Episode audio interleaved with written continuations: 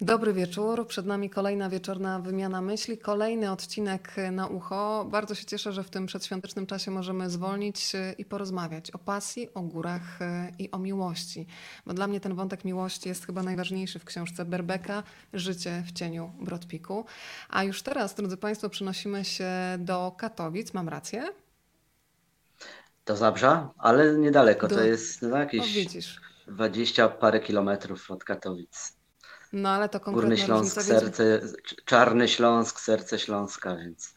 Wiesz, skąd się te Katowice w mojej głowie wzięły? Po prostu od razu myślałam, że będę cię przedstawiać jako redaktora naczelnego katowickiego oddziału Gazety Wyborczej, więc już się wytłumaczyłam, skąd te Katowice mi się w myśli pojawiła. Swoją drogą do Katowic też mam ogromną słabość, bardzo lubię to miasto. E, I od razu bardzo proszę tych wszystkich, którzy dzisiaj będą razem z nami, żeby dawali nam znać, w jakich miejscach na świecie nas słuchają i oglądają i żeby zamieniali swoją ciekawość związaną z książką, z górami e, na pytania, a te pytania z przyjemnością będę zadawać. Dariusz Kortko razem z nami, tak jak wspomniałam, szef katowickiego oddziału redakcji Gazety Wyborczej. No ale to jest też człowiek, którego książki towarzyszą mi już przez wiele lat. Mieliśmy okazję, Darek, rozmawiać między innymi o książce o Jerzym Kukuczce, którą napisałeś wspólnie z Marcinem tak. Pietraszewskim. Ale na twoim koncie także między innymi opowieść o Krzysztofie Wielickim. To ty też napisałeś wspólnie z Marcinem książkę o Mirosławie Hermaszewskim. No i oczywiście nie sposób tutaj nie wspomnieć o y, biografii Zbigniewa Religii, więc takie krótkie wprowadzenie mamy za sobą. E, a teraz bardzo bym Cię chciała, żebyś y, wprowadził trochę w w historię powstawania tej książki, którą znowu napisałeś w duecie. O pisaniu w duecie dzisiaj też na pewno porozmawiamy. E, drugi autor książki, którą się dzisiaj zajmujemy, to pan Jerzy Poremski, e, współautor też górskich książek Polskie Himalaje i Lekarze w górach, ale także scenarzysta, reżyser, producent filmowy. Powiedz, jak wy zostaliście połączeni, e, tak żeby ta książka powstała w duecie. Wiesz, dla mnie to było zaskoczenie też, bo ja nie planowałem e, pisać biografii Berbeki. E, przeciwnie, byliśmy z Marcinem w trakcie pisania e, biografii Krzysztofa Wielickiego. I, postanowiliśmy sobie, że damy sobie chwilę przerwy i odpoczniemy trochę od gór, ponieważ no i po Kukuczce i, i, i po Wielickim już naprawdę miałem taki przesyt górami, ponieważ od, miałem takie poczucie, że od paru lat czytam tylko i wyłącznie książki górskie, oglądam zdjęcia Himalajów, po prostu czułem się jakbym już tam zamieszkał i tam był, e, chociaż nie byłem. No i mm, rzeczywiście e, rósł mi też stosik książek, które koniecznie chciałem przeczytać, miałem ochotę przeczytać, a nie miałem na nie czasu. E, I, I, postanowiłem, że e, no dobra, no teraz po tym Wielickim to będzie, to będzie chwila przerwy, e, albo napiszemy z Marcinem coś innego, albo e, w ogóle damy sobie e, taki, nie wiem, rok e, takiego luzu i już nie będziemy przez ten rok nic, nic robili, nic pisali. No ale nagle telefon i telefon z wydawnictwa. Ja nie wiem, pamiętam wtedy siedziałem gdzieś w redakcji, coś, coś, coś, coś redagowałem, jakiś tekst i, było pytanie właśnie o Małgosi Skowrońskiej. Słuchaj, czy miałbyś ochotę napisać biografię Berbeki? Troszkę mi zamurowało, więc dlaczego Berbeki? Ja staram się też wybierać takich bohaterów, którzy są e, ze Śląska. Poza e, Hermaszewskim, który tak jakoś się przydarzył, ja strasznie chciałem napisać, jeśli byłaby taka możliwość, książkę o Hermaszewskim, bo, bo to był bohater mojego dzieciństwa. Oczywiście chciałem być kosmonautą, prawda, jak większość chłopaków, więc e, sobie wymarzyłem, że jak kiedyś będzie taka możliwość, to napiszę książkę o, o Hermaszewskim i opowiem o nim. E, więc to był taki wypadek pracy, ale generalnie moi bohaterowie, no to są, są ludzie ze Śląska albo związani ze Śląskiem. Po prostu e, też e, no, to jest wygodne, nie trzeba dużo jeździć gdzieś po, po, Polsce, po Europie i szukać materiałów, to wszystko jest raczej na miejscu. I, i, no a poza tym też ja jestem stąd, więc, więc takie poczucie obowiązku, że, że trzeba po prostu e, o tych ludziach e, e, pisać, którzy są ze Śląska i ich pokazywać. No więc ten Berbeka mi kompletnie nie, nie pasował właśnie z tych dwóch względów, że, że, że no, obiecałem sobie, że koniec na razie z górami, a po drugie, no to w ogóle nie jest Śląsk, ja w ogóle nie znam Zakopanego, nie jeździłem tam, nawet na nartach tam nie jeździłem i, i nie znałem tam nikogo, więc Małgosia wtedy powiedziała, słuchaj, a ty się w ogóle niczym nie przejmuj, dlatego że tutaj przy tej książce będzie ci towarzyszył Jurek Poremski, który doskonale zna to środowisko, on cię poprowadzi jak za rękę, będzie wam jak w niebie i na pewno wam się to wszystko uda. No więc hmm, no dlaczego nie? No, możemy spróbować. No i zaczęliśmy pracę, było niesamowite, bo jak kończyliśmy e, e, z Marcinem e, Wielickiego, a już ja wyjeżdżałem spotykać się tam z Jurkiem i z, z bohaterami książki w Zakopanem. I, to była taka praca, że tutaj, tutaj trwało, trwała, trwała końcówka Wielickiego, a już się zaczynał, zaczynał Rebeka, więc to było strasznie intensywne, ale też bardzo ciekawe, bo, bo dla mnie to też było wejście w nowe środowisko i poznanie nowych ludzi.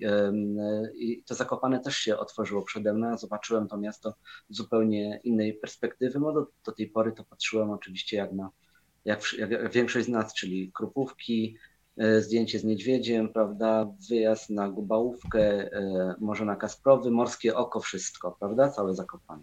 To jest opowieść o Zakopane większości z nas. A tutaj, a tutaj mogłem wejść troszeczkę, troszeczkę w, głę, w głębie i, i to też mi się wydaje, że to jest e, troszeczkę inna książka niż, niż te poprzednie. Ona jest trochę inna, ona jest bardziej rodzinna, E, bardziej opowiada o emocjach niż tamte poprzednie. Nie wiem, tak mi się przynajmniej e, wydaje. Ale też takie mam odsłuchy od znajomych, którzy tą książkę czytali, że ona jest jakoś właśnie inna, że coś w niej jest, że nie potrafią tego określić, a coś w niej jest innego niż w tych poprzednich biografiach. Co mnie cieszy. Pokaz mnie też to bardzo cieszy, chociaż wszystkie książki doskonale o tym wiesz, e, że je lubię, bo rozmawialiśmy o tym nie raz, nie mm, dwa. Pokazałam przed chwilą e, Państwu pana Jerzego, pozdrawiamy go bardzo serdecznie. Myślę, że tak wirtualnie, mentalnie cały czas jest z nami też w tej rozmowie. Pozdrawiamy panie Jerzy. E, a ja muszę Cię zapytać e, od razu, Darek, o to, jaki był też punkt wyjścia? Mm, no bo Maciej Berbeka e, i historia związana z Brodpikiem to była historia, która została już między innymi opisana w książce Długi film o miłości, Powrót na Brodpik Jacka Hugo Badera. Mhm. Potem była bardzo też mocna i ważna książka Jak wysoko sięga miłość, życie po Brodpiku, którą napisała z panią Ewą Berbeką Beata Sabała-Zielińska. I zastanawiam się, bo zawsze w takich sytuacjach pada też takie pytanie, co jest jeszcze do opowiedzenia. Więc jakie było wasze mhm. założenie? Jak opowiedzieć tę historię? Od razu ci powiem, że tak jak pisałam w zapowiedzi, ja się złapałam podczas lektury na czymś takim, że mimo, że doskonale znałam tragiczny finał wyprawy na Broadpeak z 2013 roku, to zarejestrowałam w sobie irracjonalną nadzieję, że ten bieg zdarzeń jakoś się da odwrócić, ale to tylko pokazuje, że napisaliście ją w taki sposób, że ten Maciej Berbeka, lodowy wojownik, zdobywca pięciu ośmiotysięczników, jest bardzo mhm. blisko czytelnika i bardzo się cieszę, że mhm. mm, jest ten czas teraźniejszy, że on jest w pamięci, w energii, we wspomnieniach. Mhm. No więc y, y, jak popatrzymy na te y, dwie książki, to one one były oczywiście e, poniekąd o, e, o Maćku Berbece, ale, ale tak generalnie, no książka e, Sabały Zielińskiej, ona była o, bardziej o Ewie Berbece i o, o, tak. o, o niej, o, o żonie Himalaisty, o jej rozterkach, o jej przeżyciach, o jej uczuciach. Tam Maciek był ważny, ale, ale to nie było o nim. Podobnie książka Jacka Hugo Badera, ona poniekąd była o, o Maćku, ale tak naprawdę była o, o tej wyprawie po ciało Maćka. Czy była tutaj e, e, relacja braterska, ale nie tylko, bo tam, bo tam, bo tam była opowiedziana była też historia, e, taka to była historia o górach, ale, ale z takiej perspektywy uczestnika, który jedzie tam po raz pierwszy i próbuje zrozumieć ten fenomen, po co oni tam w ogóle chodzą, dlaczego. Więc to też Maciek, Maciek nie był tam centralną postacią. A nam się wydawało, że, że już powstały naprawdę biografie lodowych wojowników. No, Kukuczki właśnie, Wielickiego, Wandy Rutkiewicz. A, a nie ma, a ten Maciek zawsze gdzieś, stał, gdzieś tam stał z boku w cieniu. Zresztą on takim był człowiekiem też, on się nigdy, nigdy y, y, był człowiekiem cienia. Nigdy się nie wypychał na, na pierwszy plan. Raczej nie, no, nie prowadził pamiętników żadnych, nie, nie wypowiadał się w mediach. Jak się przegląda, jak się robiło dokumentację, jak robiliśmy, no to rzeczywiście bardzo trudno było znaleźć wywiady z nim, czy jakieś wywiady telewizyjne, czy, czy radiowe, czy, czy prasowe. Tego naprawdę była, była garstka, bardzo niewiele. No, a, a dokonania miał ogromne i uznaliśmy, że e, warto pokazać po prostu takiego człowieka jeszcze, żeby galerię tych wielkich e, Himalajstów koniecznie o niego uzupełnić. Myślę, że, że on gdyby żył, to on by się nigdy też nie domagał takiej biografii, no ale e, ale no, ja mam duszę, jestem dziennikarzem e, i, e, i, uważam, że to jest też e, powinność mojego zawodu, żeby, żeby takie osoby odkrywać i, i pokazać. I tutaj, nie wiem, odezwała się jakaś może misja, żeby, mm, żeby rzeczywiście Macieja Berbekę odkryć. Będzie o nim bardzo dużo. Był film, tak jak wspomniałaś, Staszka Berbeki, Dreamland, ale to, to też była opowieść bym powiedział tak, nieobiektywna, bo to jest opowieść e, syna o ojcu, więc ona nie może być e, obiektywna. A, a, a my mamy e, tą możliwość jako osoby z zewnątrz, jako nie wiem, biografowie, żeby, żeby napisać naprawdę opowieść o człowieku, nie będąc obciążonym ty, tymi wszystkimi rzeczami, nie wiem, właśnie, że ktoś jest synem, nie może, może nie, nie, nie chce nawet powiedzieć pewnych rzeczy, no bo ma jakieś uwarunkowania, wie co powie, nie wiem, babcia, co, co, co, co powiedzą bracia, prawda? I, i, I troszkę to hamuje i nie pozwala na taki pełny ogląd. Chociaż ten film jest rzeczywiście bardzo, bardzo dobry i bardzo wszystkim polecam.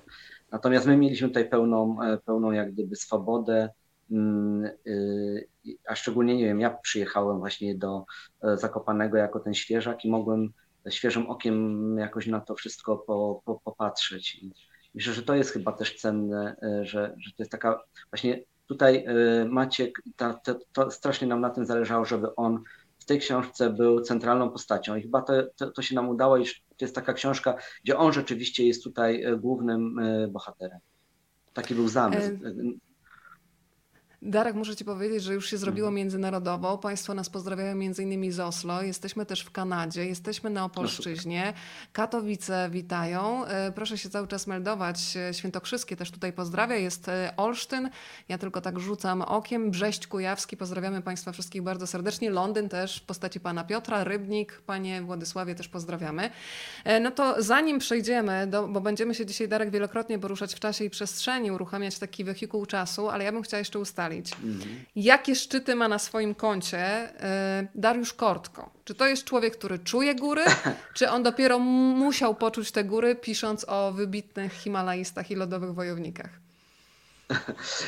E, trudna sprawa, wiesz, bo ja e, oczywiście nie widziałem nigdy Himalajów z bliska, nie byłem tam. E, I kiedy zabierałem się za biografię e, Kukuczki, no to, e, to nawet e, jak rozmawiałem o tym z Marcinem, nie mieliśmy ochoty tam e, polecieć, bo jak się człowiek naczyta, ja w ogóle nie lubię zimna, wiesz, nie lubię wiatru, nie lubię śniegu. Ja, ja jednak jestem człowiekiem nie, słoń, słońce, plaża, morze, a tutaj nagle piszę o górach. No ale no co zrobić? My mm, podchodzimy do tego też e, e, zawodowo, tak? jak, jak zawodowi reporterzy. Jest temat, no to trzeba te, ten temat e, opisać najlepiej, jak się potrafi.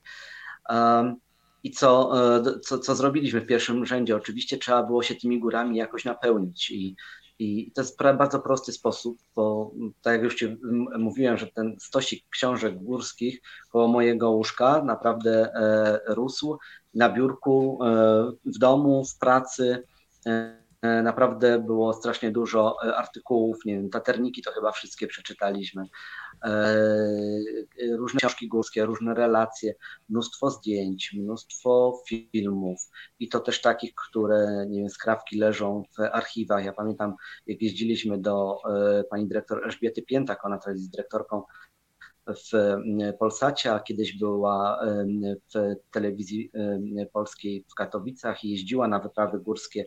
I naprawdę tych, tych, tych materiałów jest bardzo dużo, więc jak człowiek już się tego naczyta i naogląda, to to, to, to ja, ja staram się w sobie wyrobić taką, takie właśnie poczucie, że, że już tyle wiem i, i że już jestem tak tym napełniony, że teraz mogę z siebie to wylać.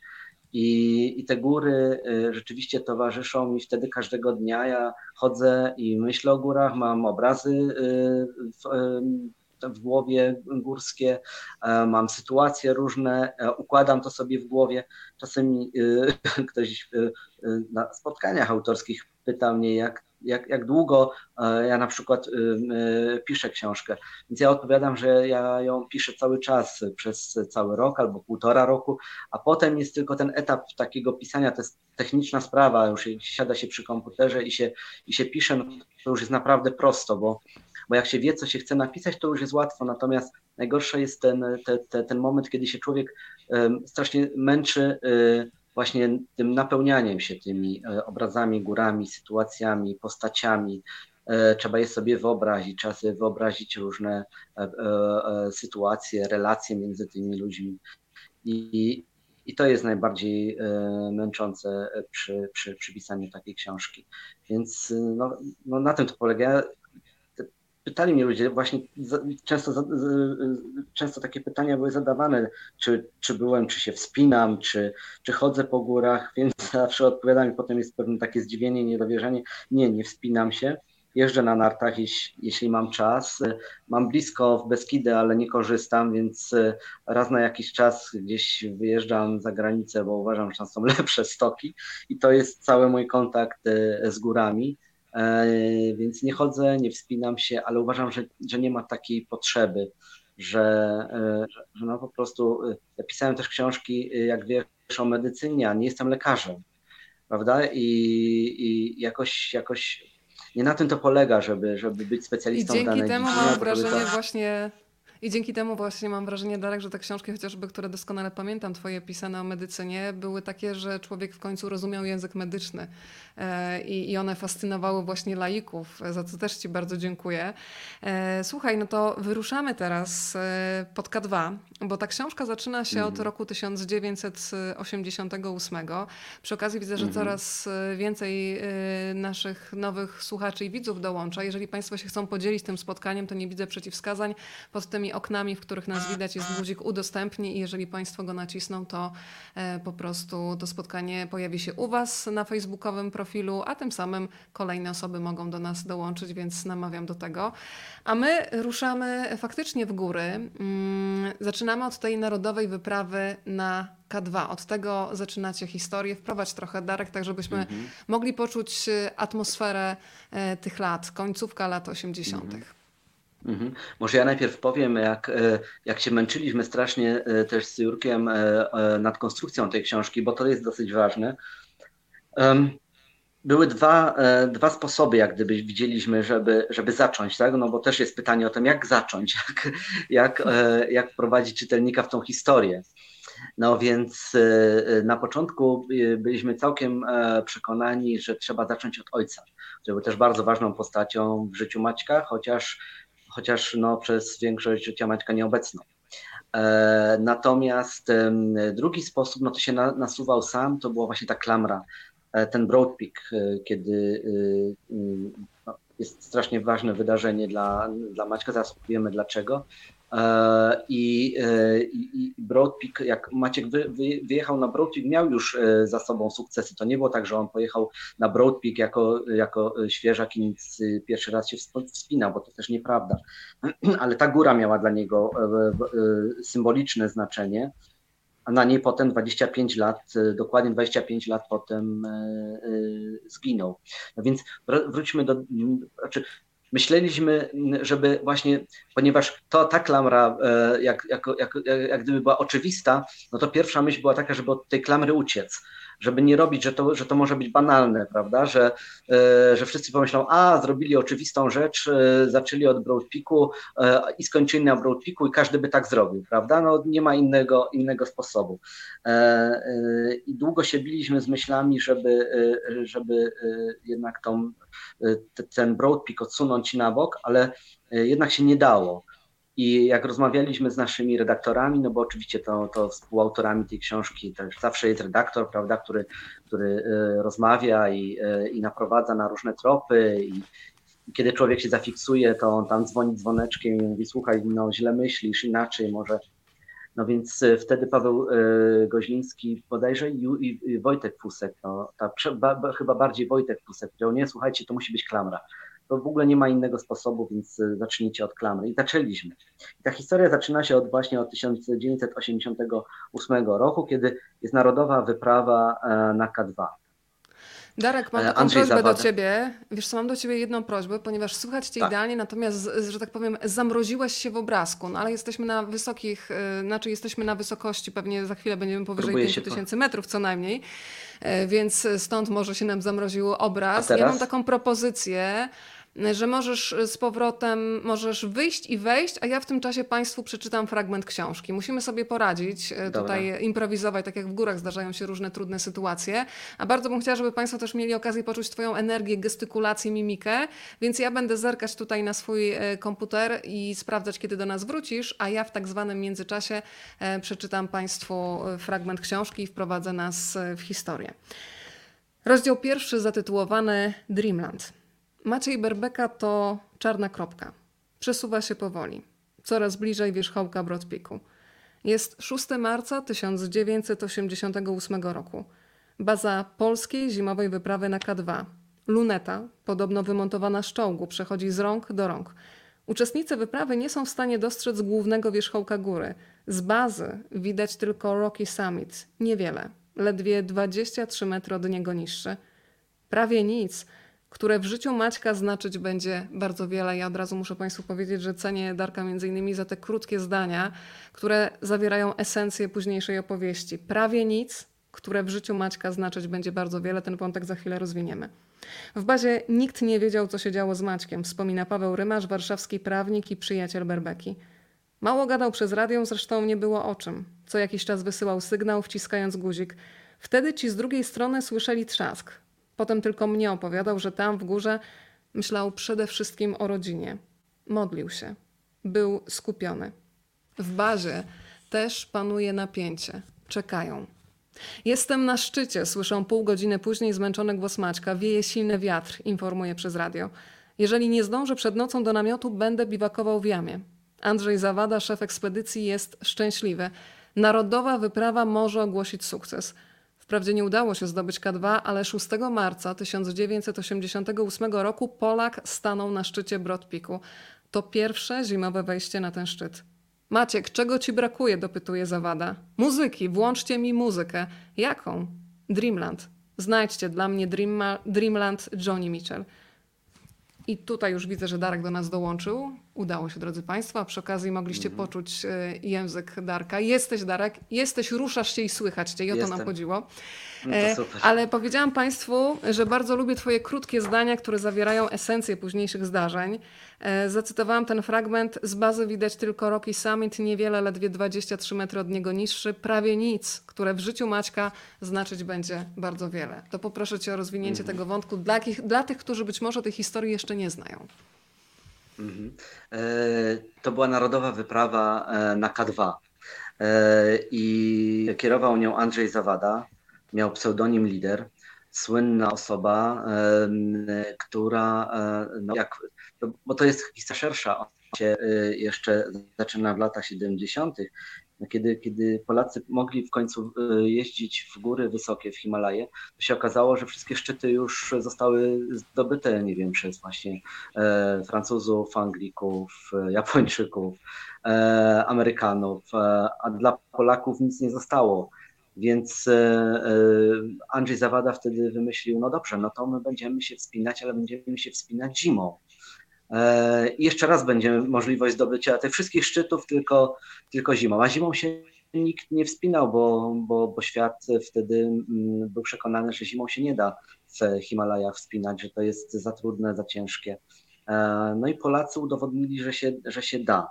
E, I e, Andrzej Zawada w 1988 roku organizuje wyprawę e, na K2 i oczywiście im nie wychodzi. Ten szczyt do, do dzisiaj nie został zdobyty zimą.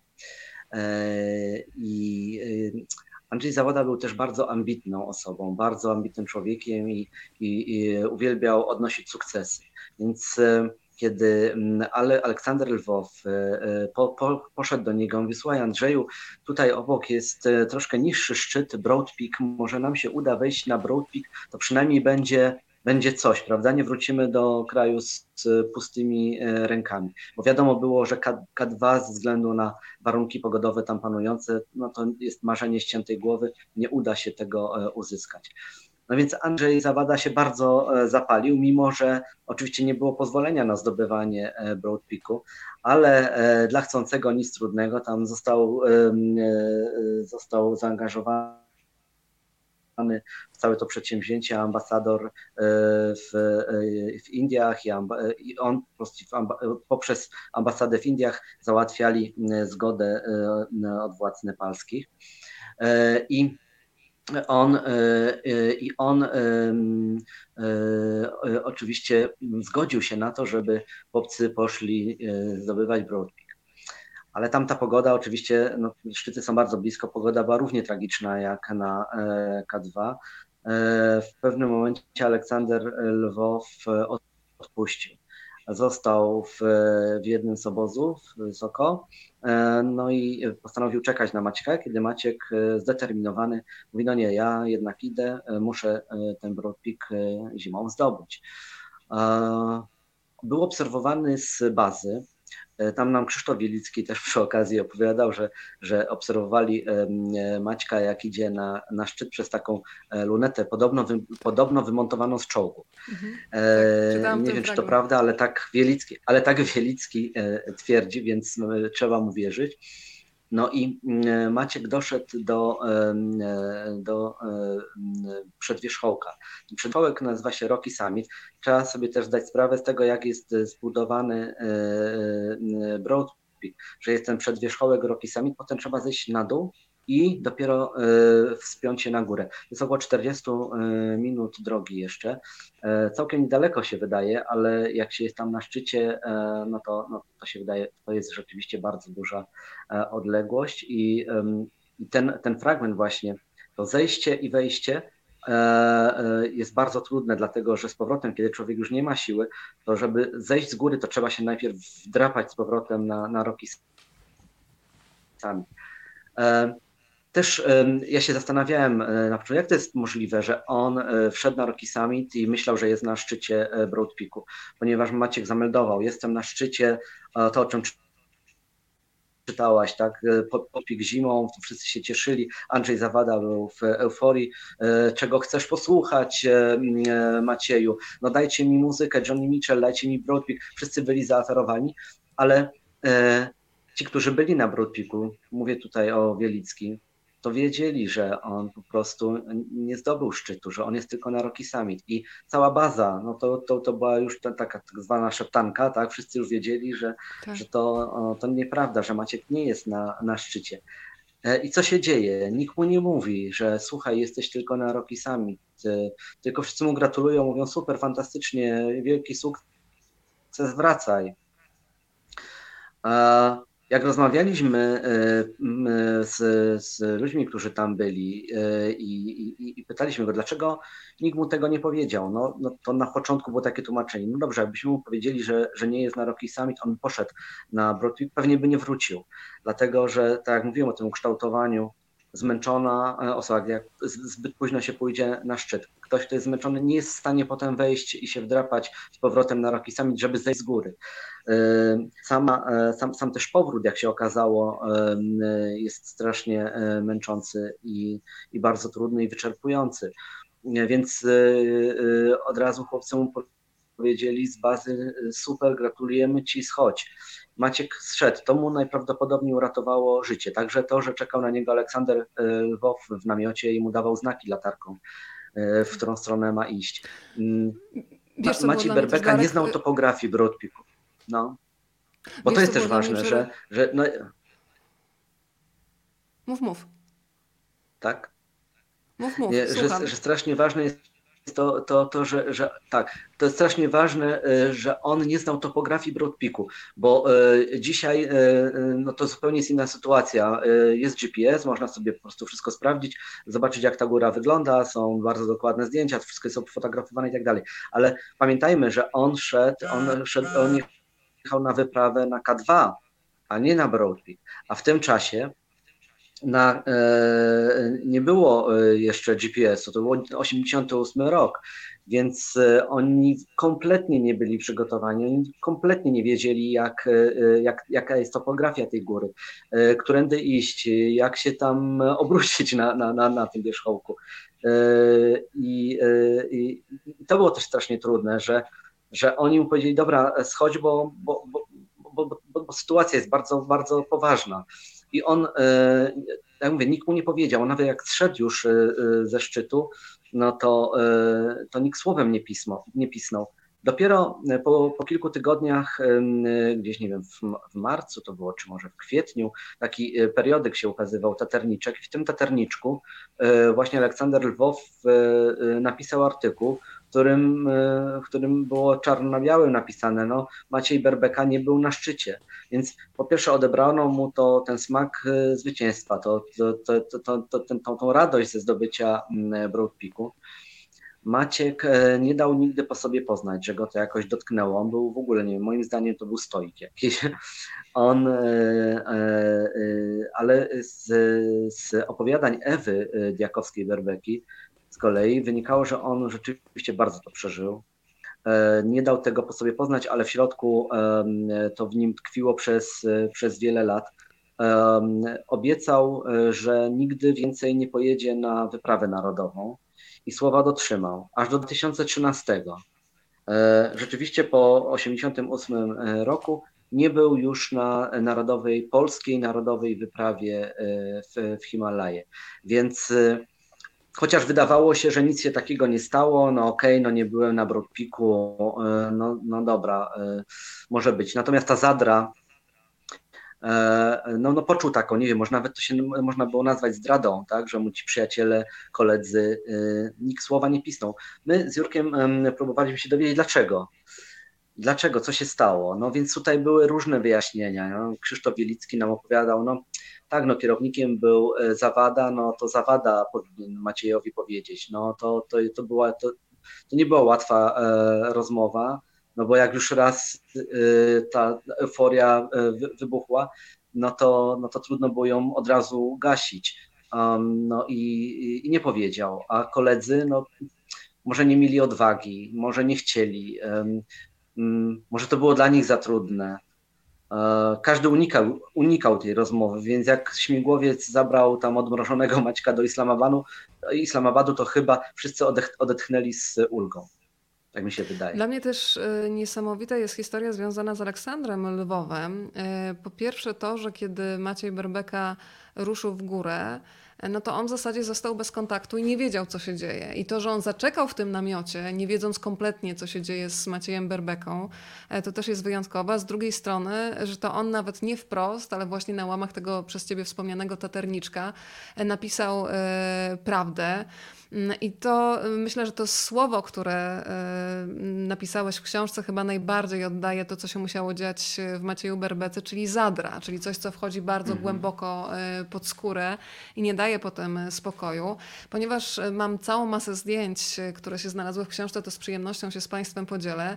E, wspomnieliśmy o, mm, o tym, że nasza wyprawa była między innymi w Islamabadzie. Tutaj było takie specjalne zdjęcie całej ekipy, więc się z Państwem podzielę, z panem prezydentem.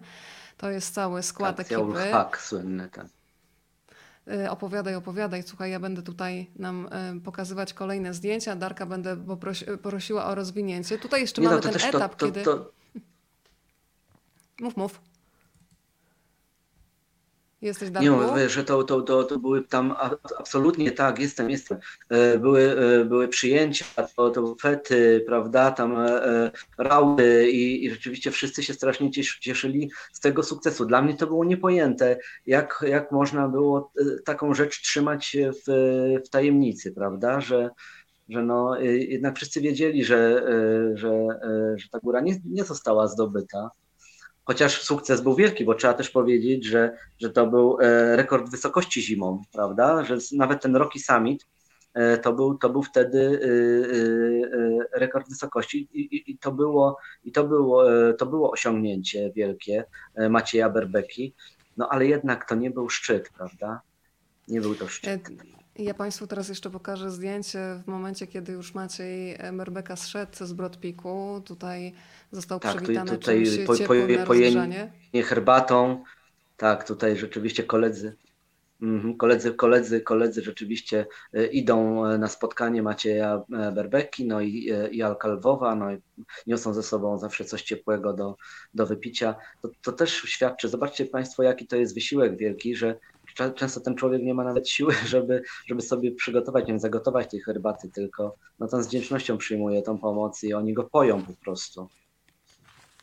Muszę Ci powiedzieć, Darek, że znowu nam się zamroziłeś. Nie wiem, czy telefon tutaj e, w niskich temperaturach naszych rozmów się zamraża. Słychać Cię idealnie, więc mam wrażenie, że jest powrót do moich starych, dobrych czasów, czyli czasów radiowych, gdzie jesteś głosem, mm. więc decyzję zostawiam Tobie. Czy masz ochotę być głosem, czy masz ochotę się tutaj jeszcze raz przepiąć, a ja Państwu Słuchaj, kolejny się, fragment może, książki.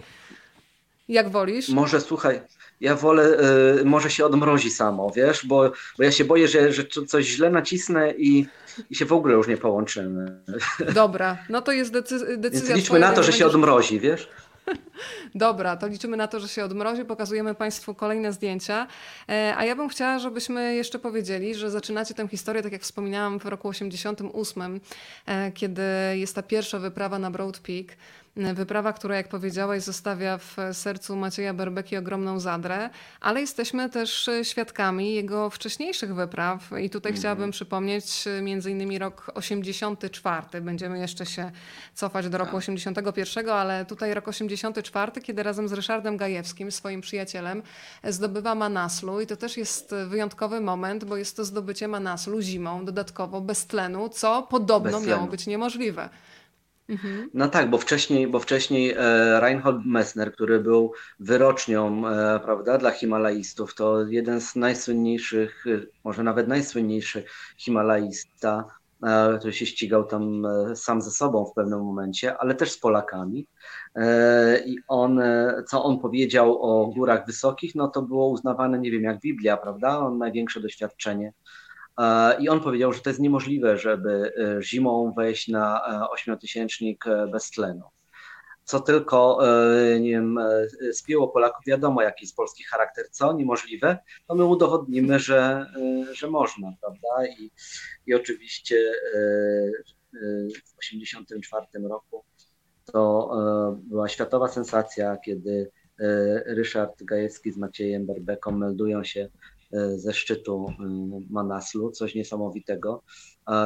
To, to, to, to rzeczywiście świat, e, to, to, był przełom, no bo oni udowodnili, że, że Messner nie ma racji i że można nawet zimą, po pierwsze zimą na ośmiotysięcznik, prawda, i drugi, po, po drugie zimą bez, bez tlenu. To, to już był naprawdę wielki wyczyn. To też świadczy o skali tej wielkości Berbeki i, i to, że on nieco nieco niesłusznie e, przez lata był zapomniany, bo moim, moim zdaniem to wynika z tego, że, że kiedy on przestał jeździć nie wiem, w, w tym właśnie w, po, po 88 na, e, na te e, polskie narodowe wyprawy, no to jak gdyby mhm. troszeczkę o nim zapomniano, prawda? I Dopiero jego nazwisko się pojawiło w tym 2013 roku. Więc, ale to, to, to, to e, wejście właśnie zimowe na, na Manaslu, czy też e, zimowe wejście potem na, na, Czo, na Czooju, czy wcześniej jeszcze Annapurna, no to, to, to, były, to były osiągnięcia i, e, i, i to wielkie.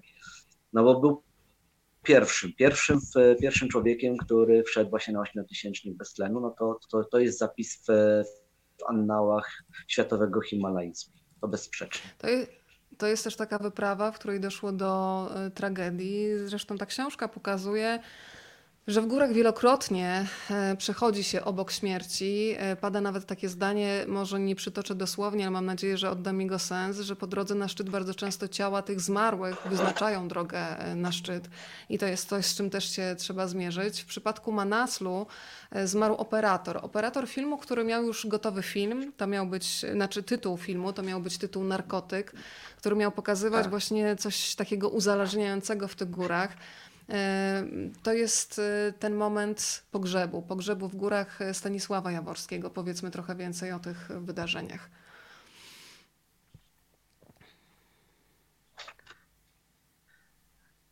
E, no tak, operator zginął schodząc po prostu z, z, ze stoku, z, z ściany.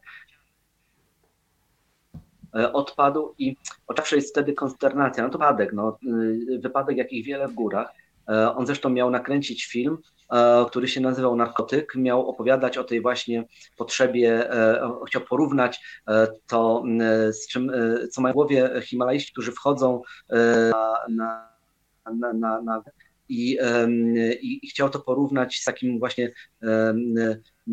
narkotycznym przyzwyczajeniem, takim narkotycznym snem nawet. E, e, jak, jak ktoś po prostu jest pod wpływem, już nie panuje nad sobą, a szczególnie kiedy, kiedy człowiek jest, e, ma tą, ten szczyt na wyciągnięcie ręki i kiedy ta, ta, ta, ta, ten narkotyk zaczyna działać, działać mocniej w organizmie.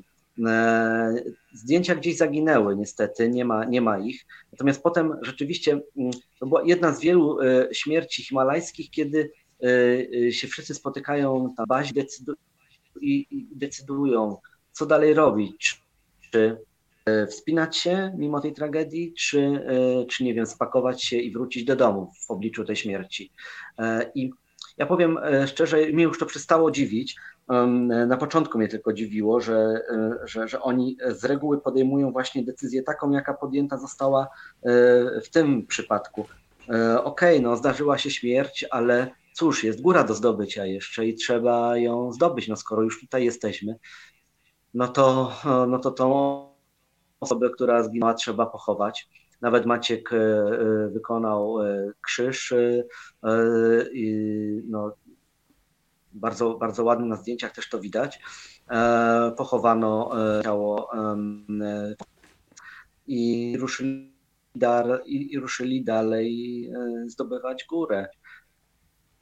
Pokazuję jeszcze kolejne zdjęcia z, mm, z wyprawy na Manaslu. Przypominam, to jest oczywiście ten moment, kiedy dopiero jest baza. Jak Państwo widzą na dole warunki, powiedziałabym, y, wakacyjne. Na, na górze robi się przeraźliwie zimno.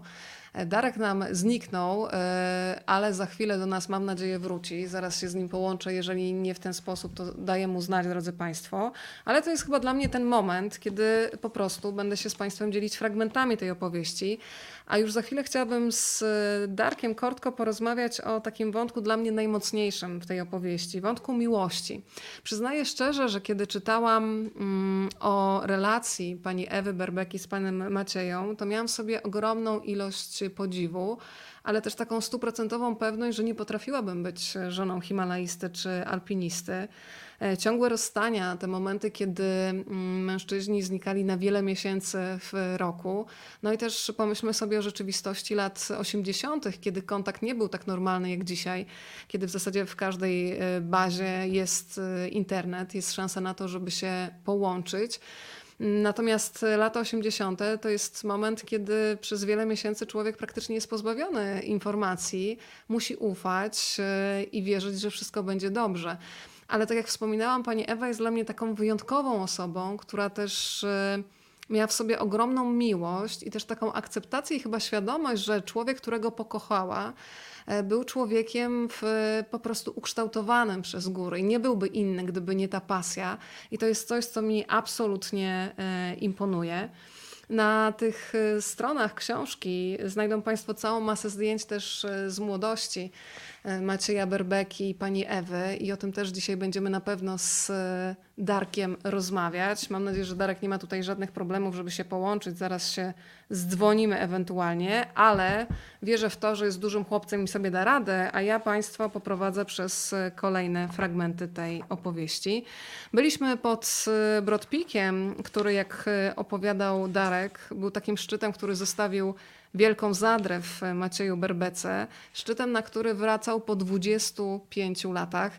Darek też wspomniał o filmie Dreamland. Polecam Państwu, ja sama wczoraj odkryłam, że dzięki platformie mojekino.pl można w zasadzie kupić bilet w dowolnym kinie w Polsce i zobaczyć ten film. Film, który o Macieju Berbece stworzył jego syn Stanisław.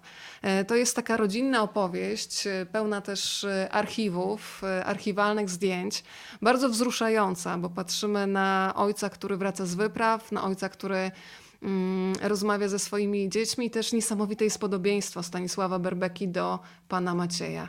I wrócił do nas. Jestem. Przepraszam Jesteś. bardzo, nie wiem.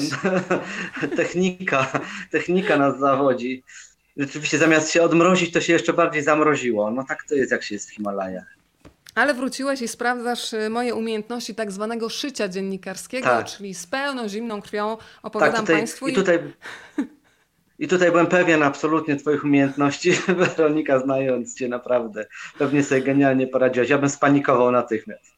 Powiem ci, że dużo łatwiejsze jest to w radiu, kiedy nie ma kamery i wtedy, wiesz, w radiu nie widać mm. tego popłochu w oczach, ale tutaj mam nadzieję, że przynajmniej spokój w oczach był, a co się działo w środku, to już jest zupełnie inna sprawa.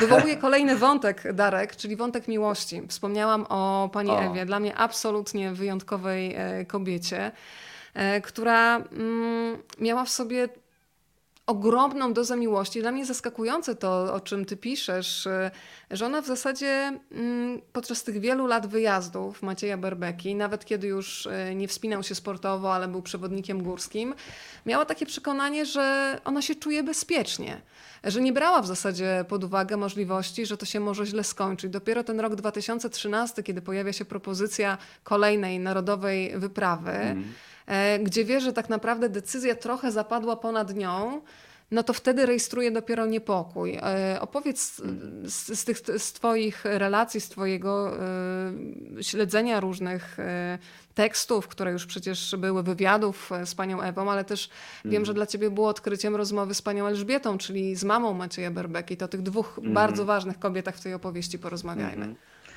Znaczy ta śmierć w tej rodzinie e, się pojawia bardzo często bo e, po raz pierwszy, e, no, zresztą na początku tej książki jest e, opisana sytuacja, kiedy ginie ojciec Macieja, to jest Krzysztof Berbeka, taternik, też himalaista.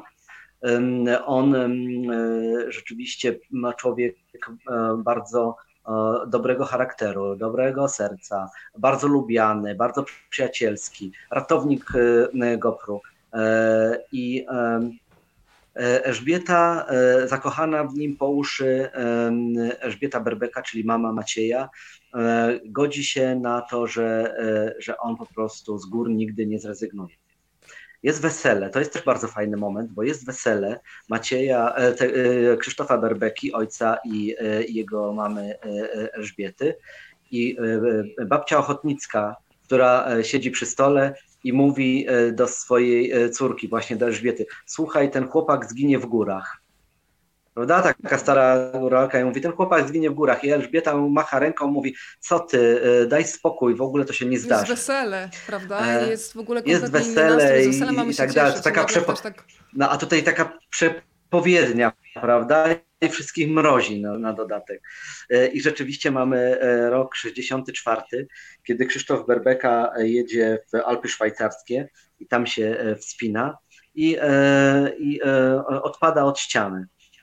Wydaje się, że nic wielkiego się nie zdarzyło, łamie nogę. troszkę się tam, troszkę potłuczony, parę siniaków i ta złamana noga.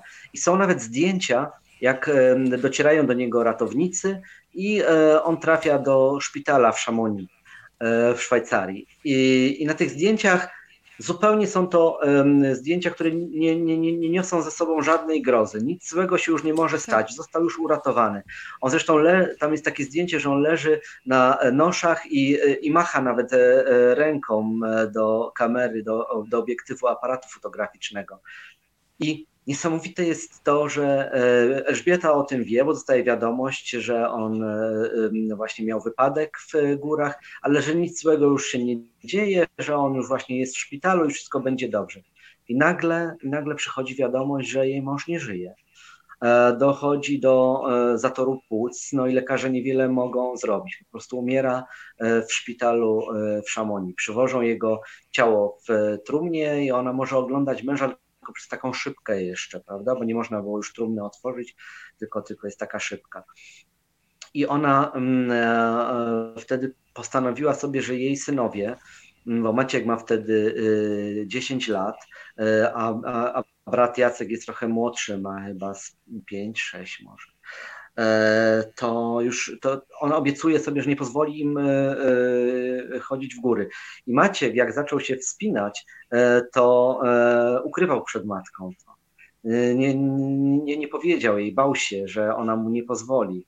Więc zaczynał najpierw od jaskiń, E, e, przychodził cały, nie wiem, brudny od tego mułu, od tego błota, gdzieś chował plecak e, koło domu. Oczywiście matka wiedziała, natomiast, natomiast wymogła potem, jak on już był dorosły, jak już nic nie mogła zrobić, no to tylko takie, tak, taką obietnicę, że oni nigdy z bratem po pierwsze nie będą się wspinali razem, że razem nie zginęli przypadkiem, no i po drugie, że nie pojadą nigdy w Alpy.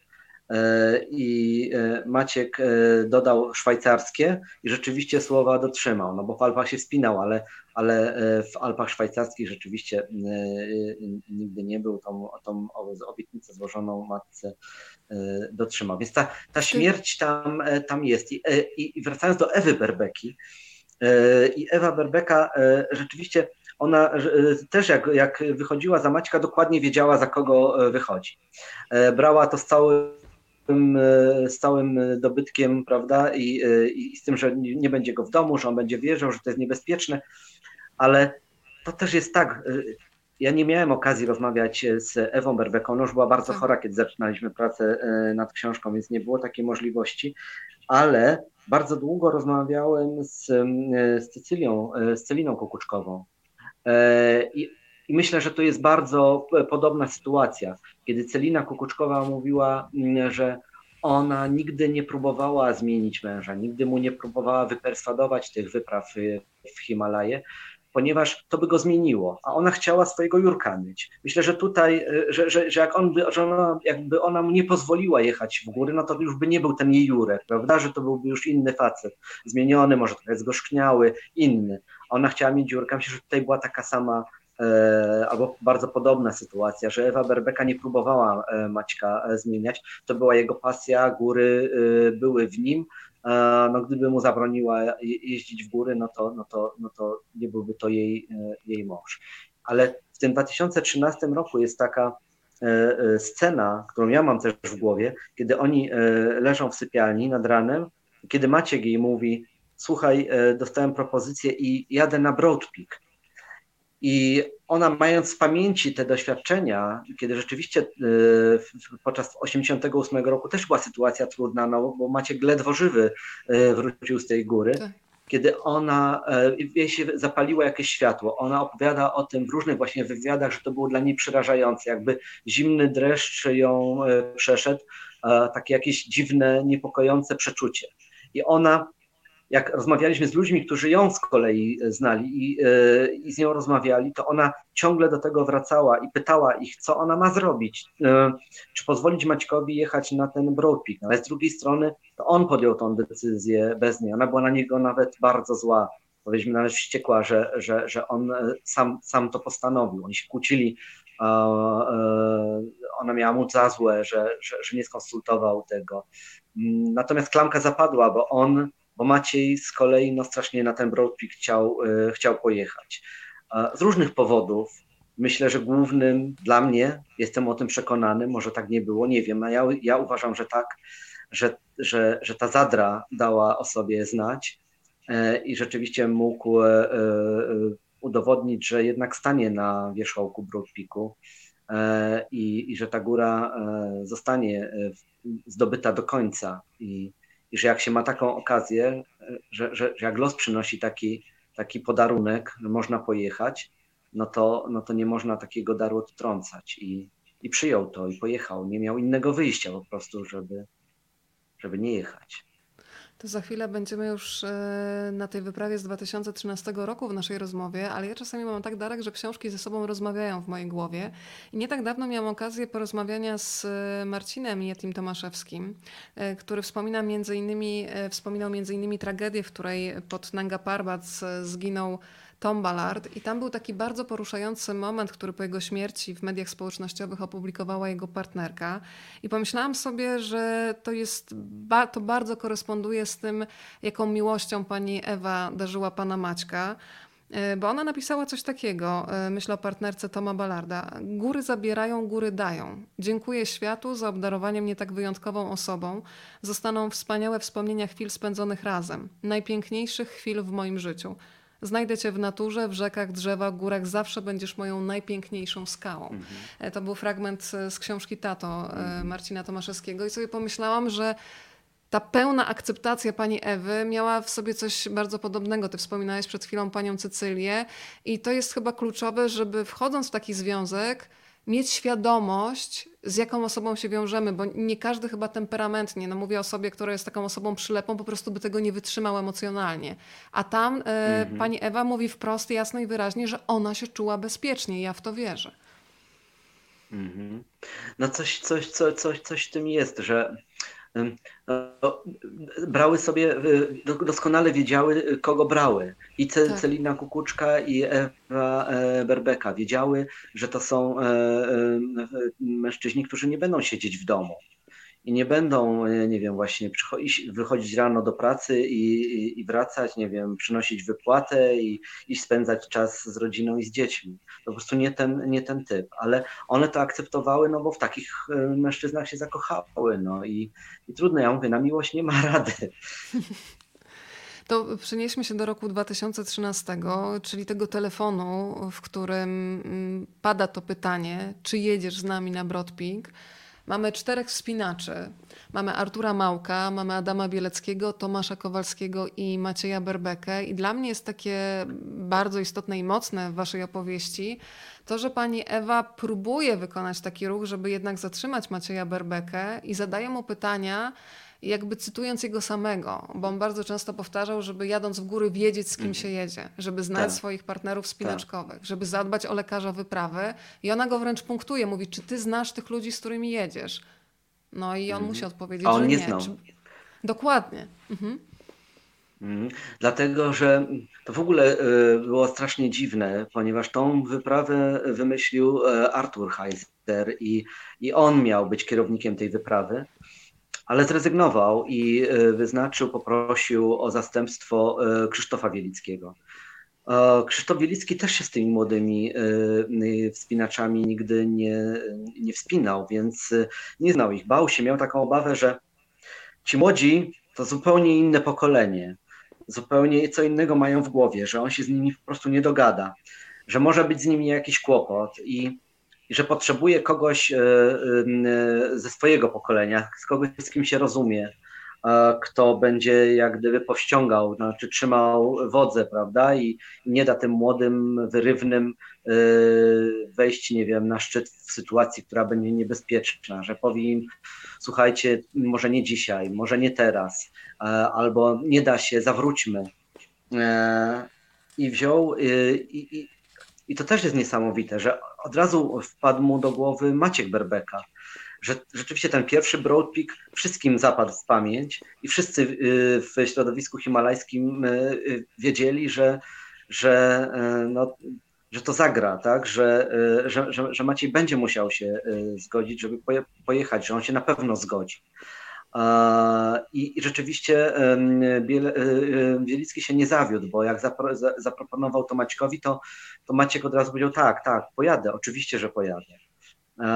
I e, no jak to się skończyło, no to wszyscy wiemy. My po prostu tą historię znamy do momentu, kiedy Małek z Bieleckim wchodzą na szczyt i już powoli schodzą i spotykają na swojej e, drodze mm, e, Berbekę i Kowalskiego. Tak? Do, tej, do tej pory mniej więcej e, wiemy, co się działo.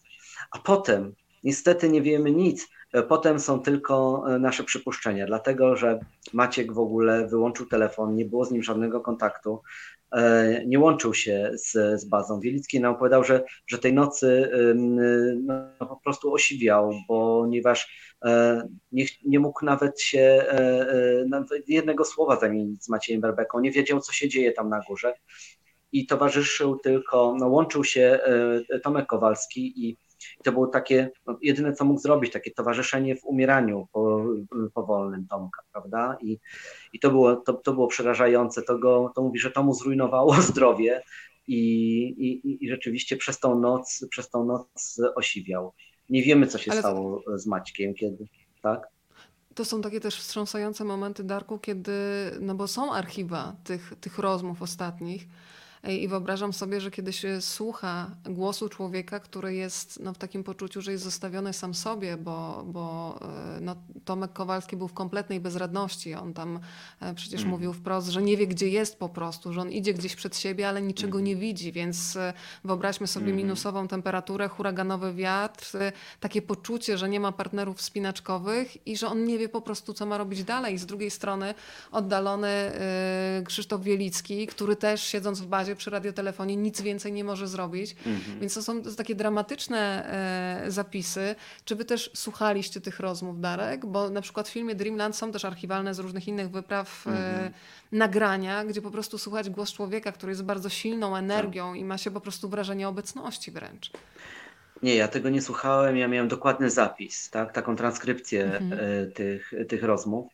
E, nie wiem, czy miałbym siłę te, wysłuchać tak. tego do, do końca, ale, ale dokładnie to przeczytałem. Rzeczywiście to jest, to jest niesamowite, ponieważ e, no, e, jakbyśmy rzeczywiście stali przy kimś i, i, i oglądali, to nawet nie wiem, czy to nawet w pewnym momencie ja uważam, że to jest zbyt intymne i, tak. i, i, i, okropne strasznie, żeby patrzeć na czyjąś śmierć i przyglądać się jak takim szkiełkiem i okiem.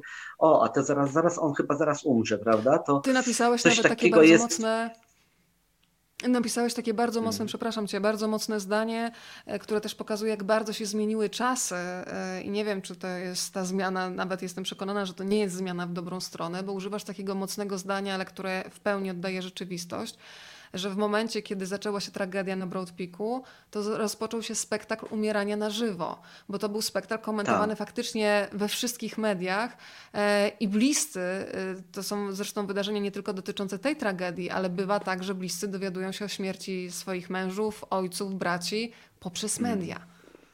No tak, to było niesamowite, bo to był po raz pierwszy chyba, kiedy mogliśmy e, na żywo e, oglądać to, co się, czy dowiadywać się o tym, co się dzieje e, wtedy na Broadpeaku.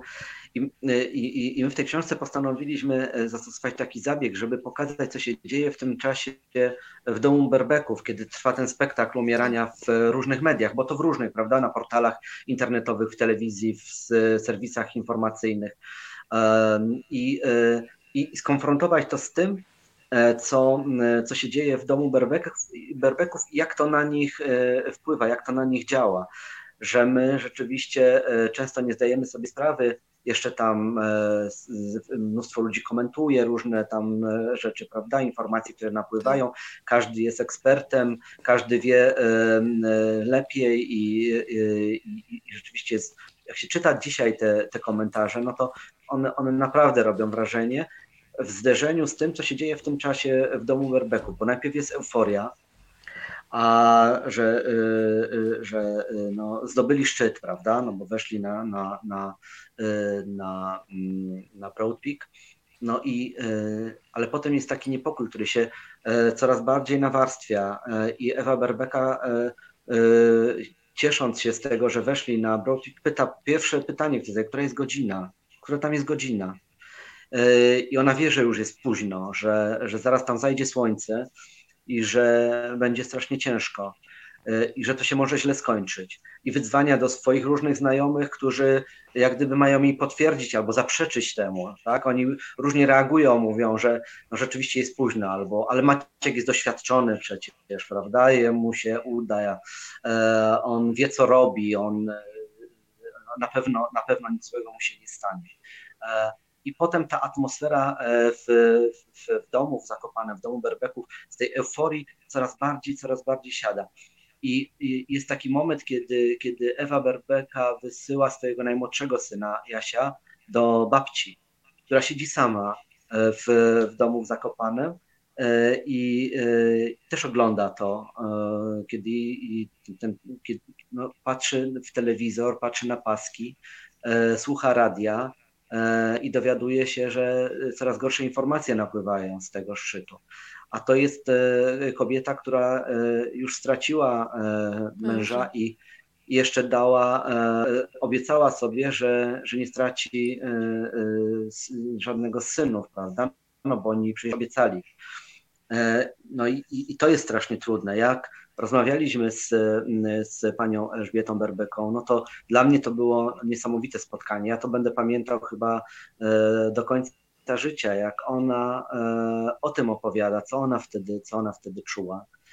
E, I dlatego jeden z tych rozdziałów e, jej poświęcony, ten radosny, pierwszy, początkowy, kiedy ona poznaje Krzysztofa, to nazwaliśmy skała, bo mi się wydała taką tak. skałą właśnie, nawet nie, nie, nie, nie Hiobem, tylko, tylko skałą, bo ona nawet pociesza tą swoją rodzinę i, i, i, i, tak jak przy, przytoczyłaś fragment, e, ona mówi, no trudno, e, stało się, no takie jest życie, no śmierć jest e, częścią życia, trzeba to przyjąć, trzeba żyć dalej.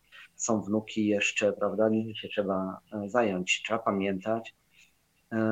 No, ale to było na pewno bardzo trudne spotkanie i, i ta pamięć o, o, o synu i, ta, i to, że ona, ona rzadko opowiada, że, że musiała wrócić do tej historii, to widziałem, ile ją e, to kosztowało i, i nas przy okazji.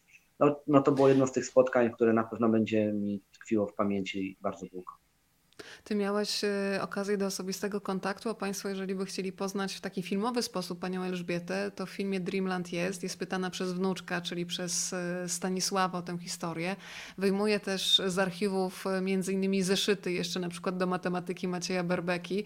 Okazuje się, że tam same piątki to są i, i ma w sobie faktycznie taką pogodę ducha, mówi o trudnych wydarzeniach i mówi wprost, że to, co się wydarzyło, było straszne i, i, i czuć jej ból, a jednocześnie taką jakąś pogodną zgodę na to, co przynosi życie i to, że ona po prostu nie miała też czasu na przykład po śmierci męża na to, żeby wpaść w rozpad, bo ona miała do wychowania e, dwóch synów.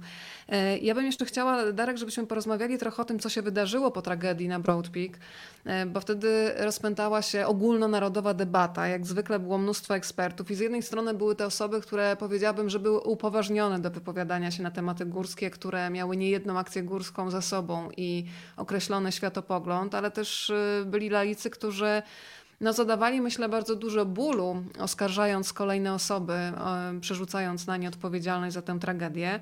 I powiem Ci, że dla mnie bardzo mocnym zdaniem w Waszej książce było zdanie, które wypowiadał, wypowiedział Adam Bielecki. E, myślę już o tej sytuacji, kiedy zostaje wydany raport, gdzie no w dużej mierze, głównie w zasadzie on został obciążony odpowiedzialnością. I Bielecki mówi coś takiego. Wiele osób miałoby o, o mnie o wiele lepsze zdanie, gdyby ja z tej góry nie zszedł żywy. Może jest pięknie umierać w imię zasad i zasady na tym zyskują, ale jeśli ktoś tak myśli, to niech powie mi to w twarz, niech powie to mojej żonie, rodzicom, siostrze, przyjaciołom. I on też mówi takie kolejne mocne zdania, że on też nie chce brać odpowiedzialności za wszystkich, bo przecież e, skoro z Tomkiem Kowalskim i z Maciejem Berbeką mijali się, to oni też mogli wtedy z nim zawrócić, żeby razem z nim wracać. Mhm. I wtedy ja na przykład nie daję sobie prawa kompletnie doceniania czyjejkolwiek postawy tutaj, mhm. e, bo e, to, co się stało, jest oczywiście przerażające, tym bardziej, kiedy ma się gdzieś z tyłu głowy tą prośbę Macieja Berbeki, do Artura Małka, żeby zaczekał, żeby się związali liną, ale myślę, że my nie jesteśmy w stanie ocenić e, sytuacji, kiedy człowiek po prostu boi się odmrożenia, który zdobył już górę i chce jak najszybciej z niej zejść. I to jest pytanie, czy można tak. od kogoś wymagać, żeby ktoś poczekał. I zastanawiam się, Darek, no bo mhm. ty w książce musiałeś przedstawić e, wszystkie zdania, przedstawić to bardzo obiektywnie, ale czy ty masz jakieś swoje zdanie, do kogo ci jest tutaj najbliżej? To jest strasznie trudne.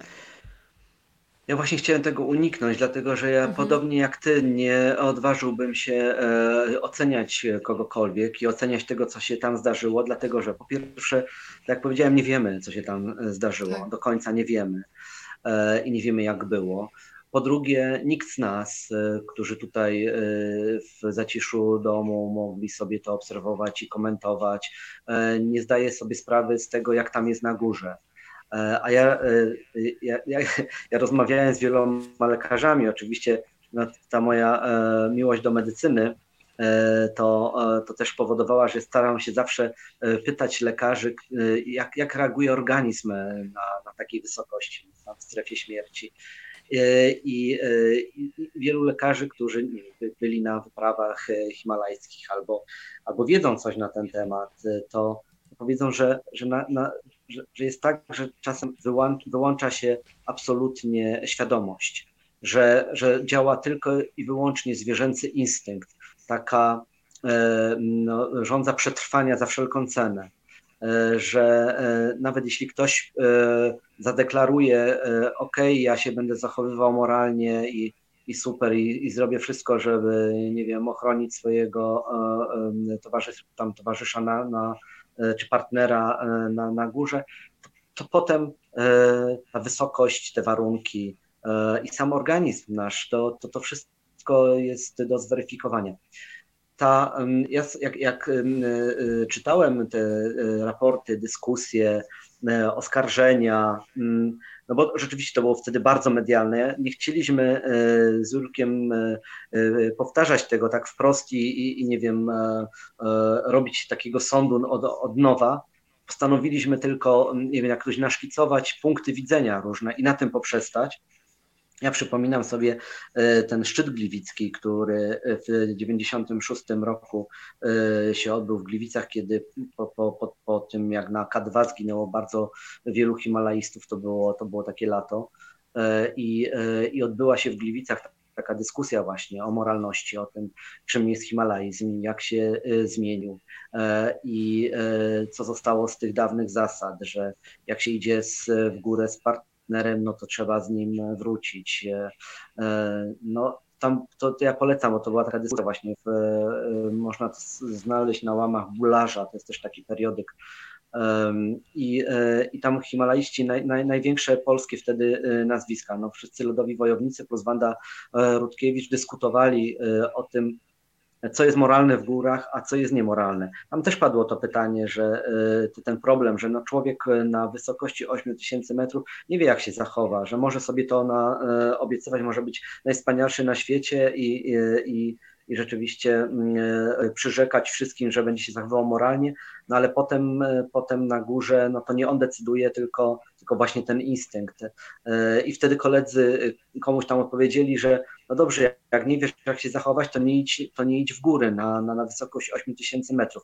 Ja po rozmowach z różnymi lekarzami nie jestem pewien tego poglądu, że, że rzeczywiście możemy, możemy się w każdej sytuacji zachować moralnie. E, I, e, I ta dyskusja, jak gdyby w 2013, po tych wielu latach, jak gdyby rozgorzała na nowo, ale ten Himalajzm się już też zmienił. On już, już, już też jest inny, że, że e, przedtem bardziej to był, to był sport.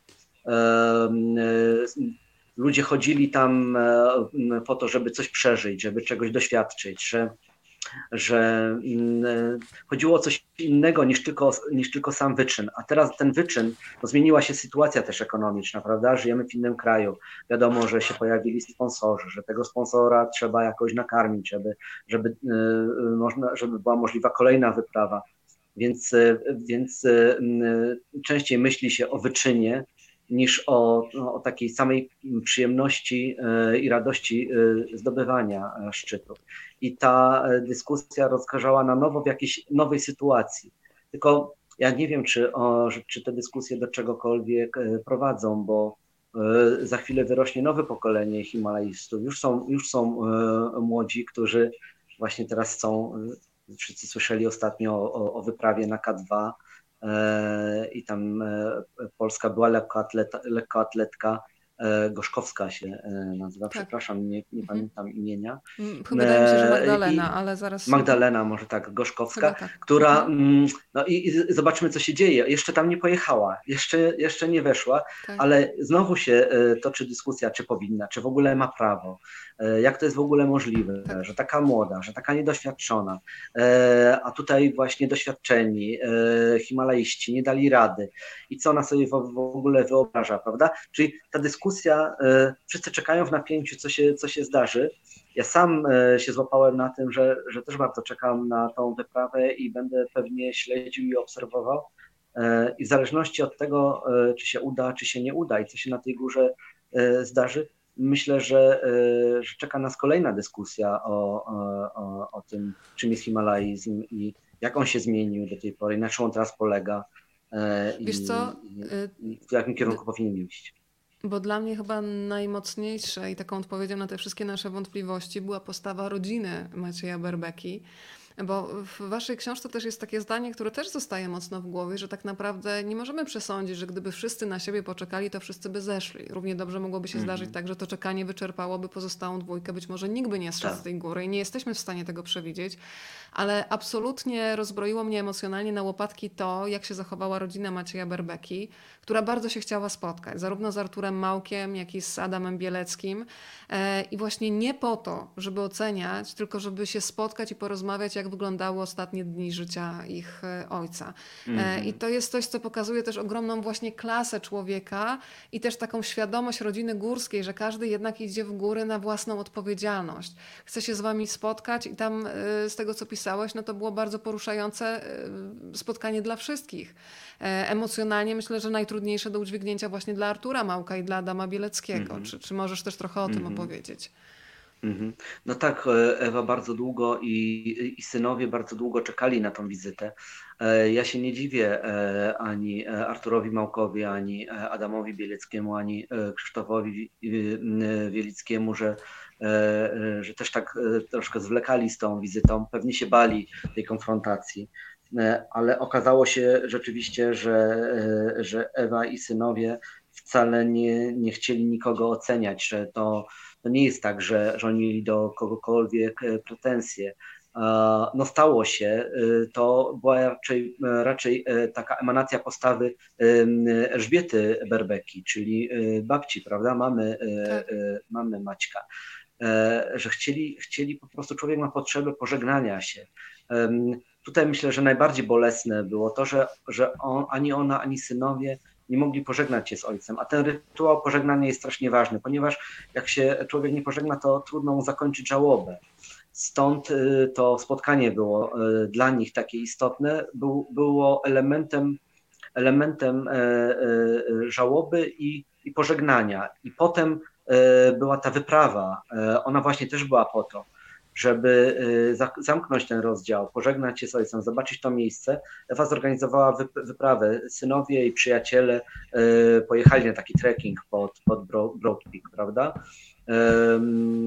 I, I to było dla niej strasznie takie ważne i, i pozwoliło jej jak gdyby no, zamknąć ten rozdział i iść dalej dalej żyć, no, no bo trzeba żyć. No. Y, strata jest ogromna, nie ma męża, nie ma ojca, no ale życie się nie kończy i oni doskonale o tym wiedzieli. A ta, to, to, to pożegnanie, taki symboliczny y, pogrzeb w bazie pod y, Broad Peakiem, to, to, to było to, czego no, oni dostali, a każdy z nas no, jak gdyby ma potrzebę taką właśnie, żeby, żeby, żeby ten pogrzeb urządzić, żeby, żeby, żeby dokonać takiego ostatecznego pożegnania. To strasznie ważne, to, to, to, to w nas tkwi, to jest w naszej kulturze i, i myślę, że, że, że o to chodzi.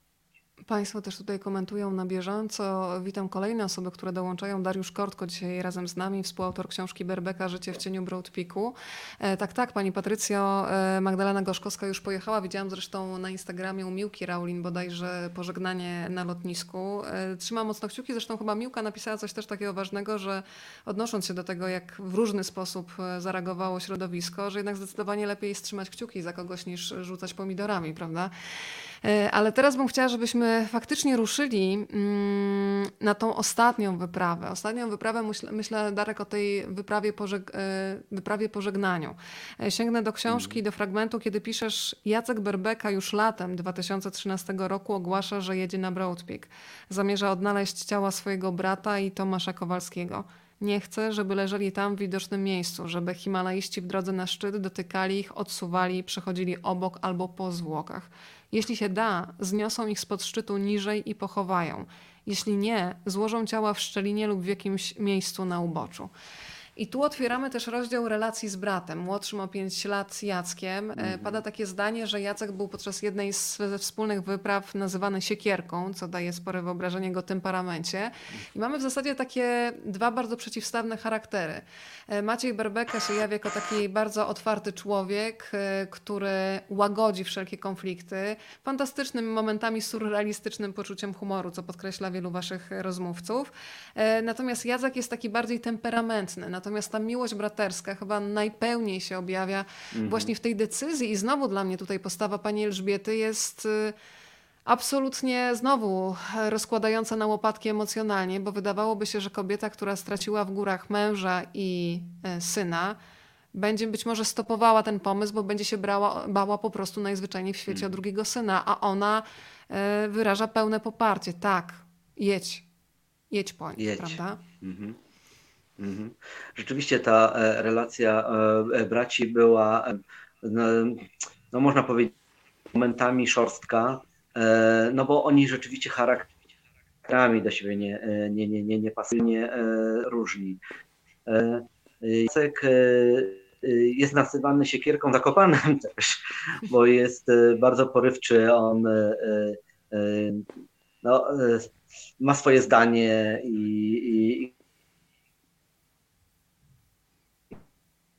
Jesteś go bardzo prowadzi sklep, tam doszło do tarć, tak, e, dwaj bracia, tak.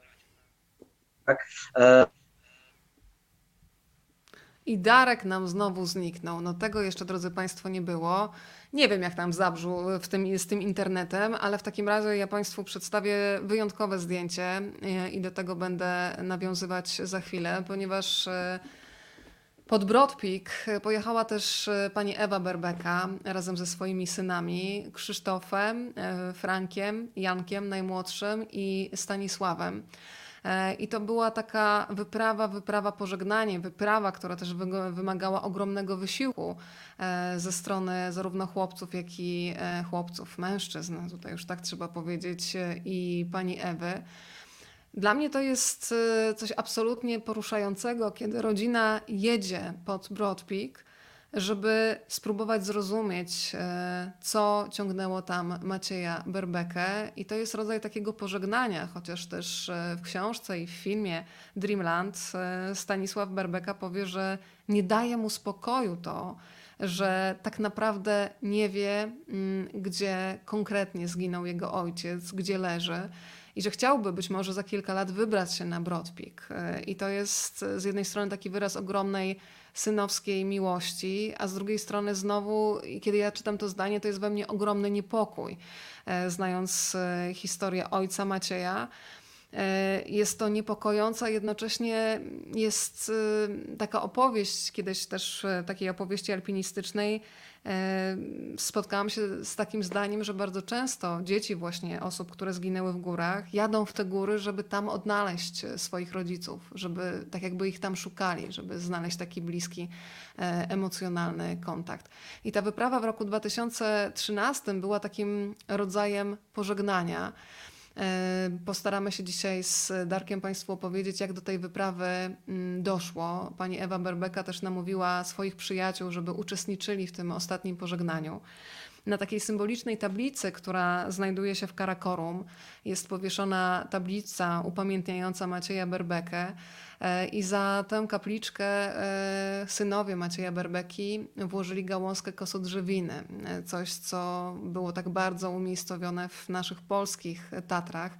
Bardzo symboliczny i piękny sposób na pożegnanie. Pozwolą Państwo, że wrócę w takim razie do kolejnych fragmentów książki, czekając na Darka, który mam nadzieję, że się tutaj jeszcze do nas, do nas dołączy, bo bez niego sobie tego spotkania nie wyobrażam. Wspomnieliśmy o Jacku Berbece. Powiem Państwu, że ta wyprawa poszukiwawcza zakończyła się w ten sposób, że jedna z wypraw e, dała znać, że odnaleziono, że natrafiła na ciało Tomasza e, Kowalskiego. To ciało udało się odnaleźć, natomiast e, Macieja Berbeki ciała nie odnaleziono.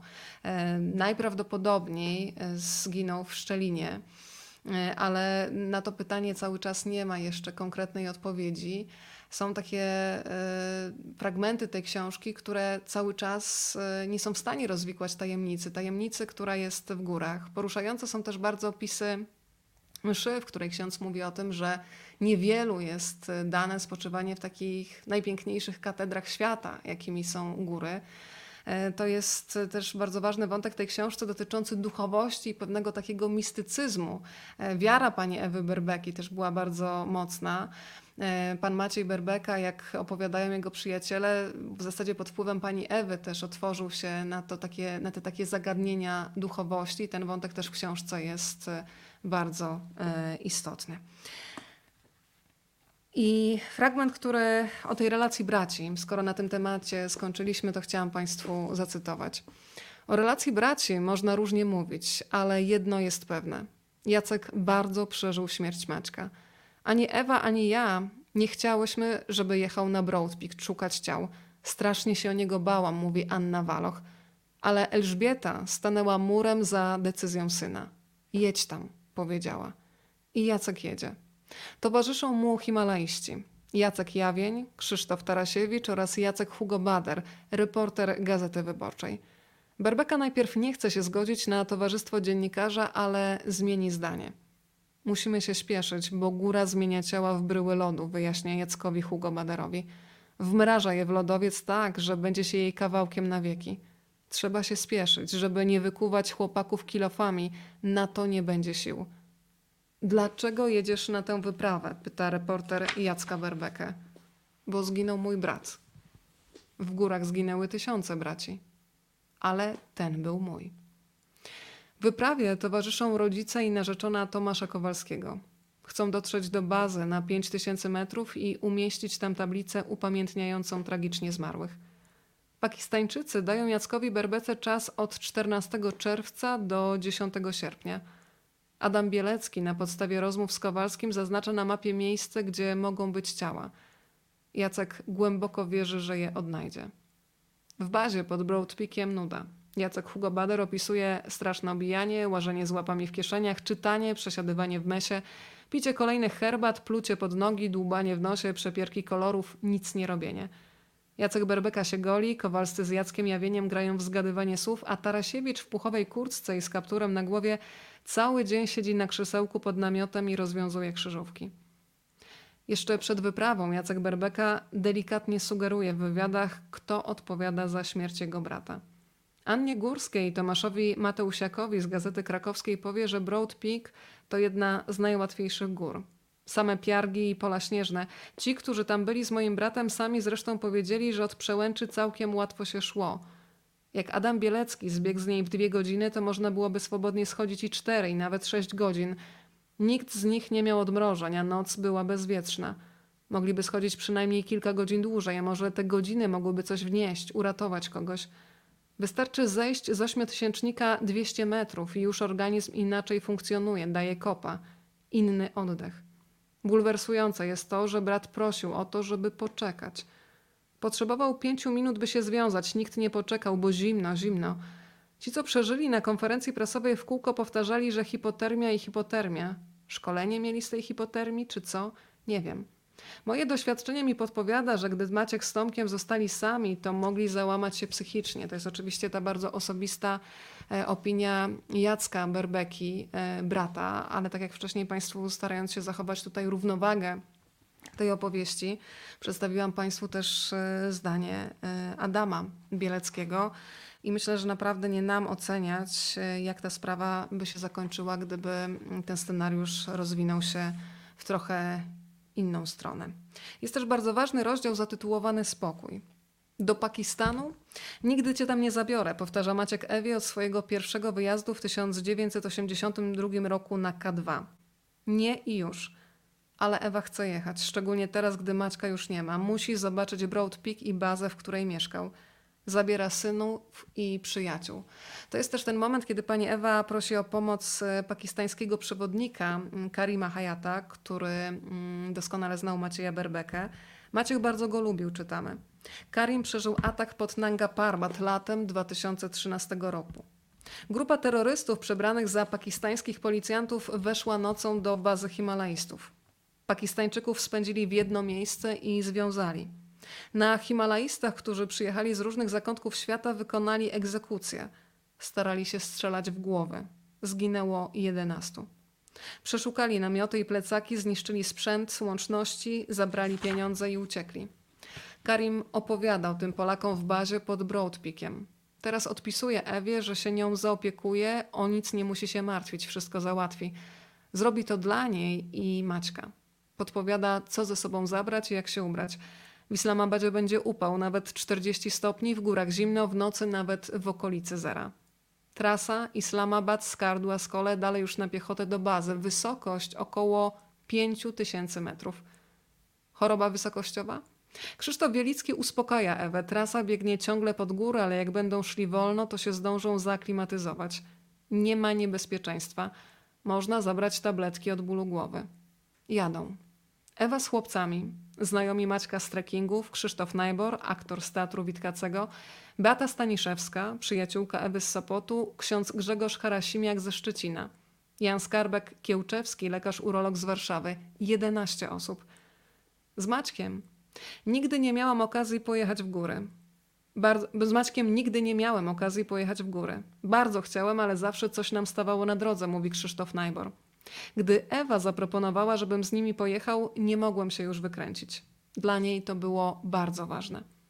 Szła do Maćka z całą rodziną i jego przyjaciółmi.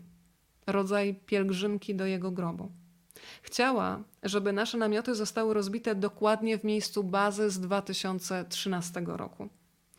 Szliśmy tam 7 dni w górę i 7 w dół. I to jest dla mnie też zdanie, które pokazuje, jak wiele również w sensie fizycznym, pomijając już aspekt oczywisty emocjonalnie, ale jak wiele również w sensie fizycznym ta wyprawa kosztowała panią Ewę Berbekę i jej synów. Nie ulega wątpliwości, że Maciek nad nami czuwał, bo mieliśmy pogodę marzeń. Coś w tym czuwaniu nad nami musiało być, zgadza się Staszek Berbeka, syn Maćka. Koszty wyjazdu naszej piątki były koszmarnie wysokie – Zorganizowaliśmy w Desie aukcję prac artystycznych naszych znajomych, również profesorów z ASP. Zebraliśmy akurat tyle pieniędzy, ile było potrzeba. Co do złotówki. I wraca. Udało się. Wracam z dalekiej podróży. Naprawdę, naprawdę teraz nie było długo, mój drogi. To była daleka podróż, ale przytoczyłam Państwu... Byłem na stokach tak. Brodpiku chyba. Ale powiem Ci, Darek, że Ciebie nie było, natomiast ja cały czas mówiłam do Państwa Twoimi słowami, bo przecież to Twoje słowa Jerzego Poremskiego są zapisane w książce, bardzo poruszające. Teraz przytoczyłam ten fragment z jednej strony mm, Jacka Berbeki, mm, który opowiadał o tych swoich odczuciach po tragedii na Broad Peak, no ale później o tej całej wyprawie, kiedy pani Ewa zbiera swoich przyjaciół i wybierają się wspólnie, żeby się pożegnać. Wspominałam tę gałązkę e, kosodrzewiny. E, no i też to zdanie, które dla mnie jest takie bardzo niepokojące, zdanie syna, e, który też mówi, że chciałby tam wrócić, ponieważ nie daje mu spokoju e, to, że tak naprawdę nie zna miejsca mm, śmierci swojego ojca.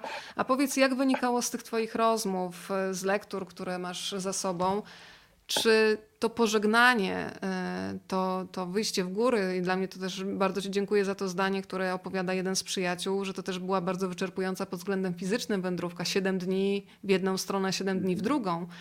E, czy dla Pani Ewy to był rodzaj takiego pożegnania i w pewnym sensie zamknięcia żałoby, tak jak e, taki spokój, który myślę, że odczuwa każda osoba, spokój oczywiście połowiczny, kiedy mhm. umiera nam bliska osoba, jest ten moment, kiedy się czeka na pogrzeb i on jest przerażający, bo jest jakiś taki etap kompletnego niezamknięcia historii. Dopiero kiedy się stoi nad grobem, czasami spada z nas taki ciężar e, takiego bycia w zawieszeniu, kiedy jeszcze nie możemy się pogodzić ze śmiercią i ten moment, kiedy już jest po mhm. pogrzebie, kiedy do nas to dociera i można mhm. zacząć wejść w etap żałoby.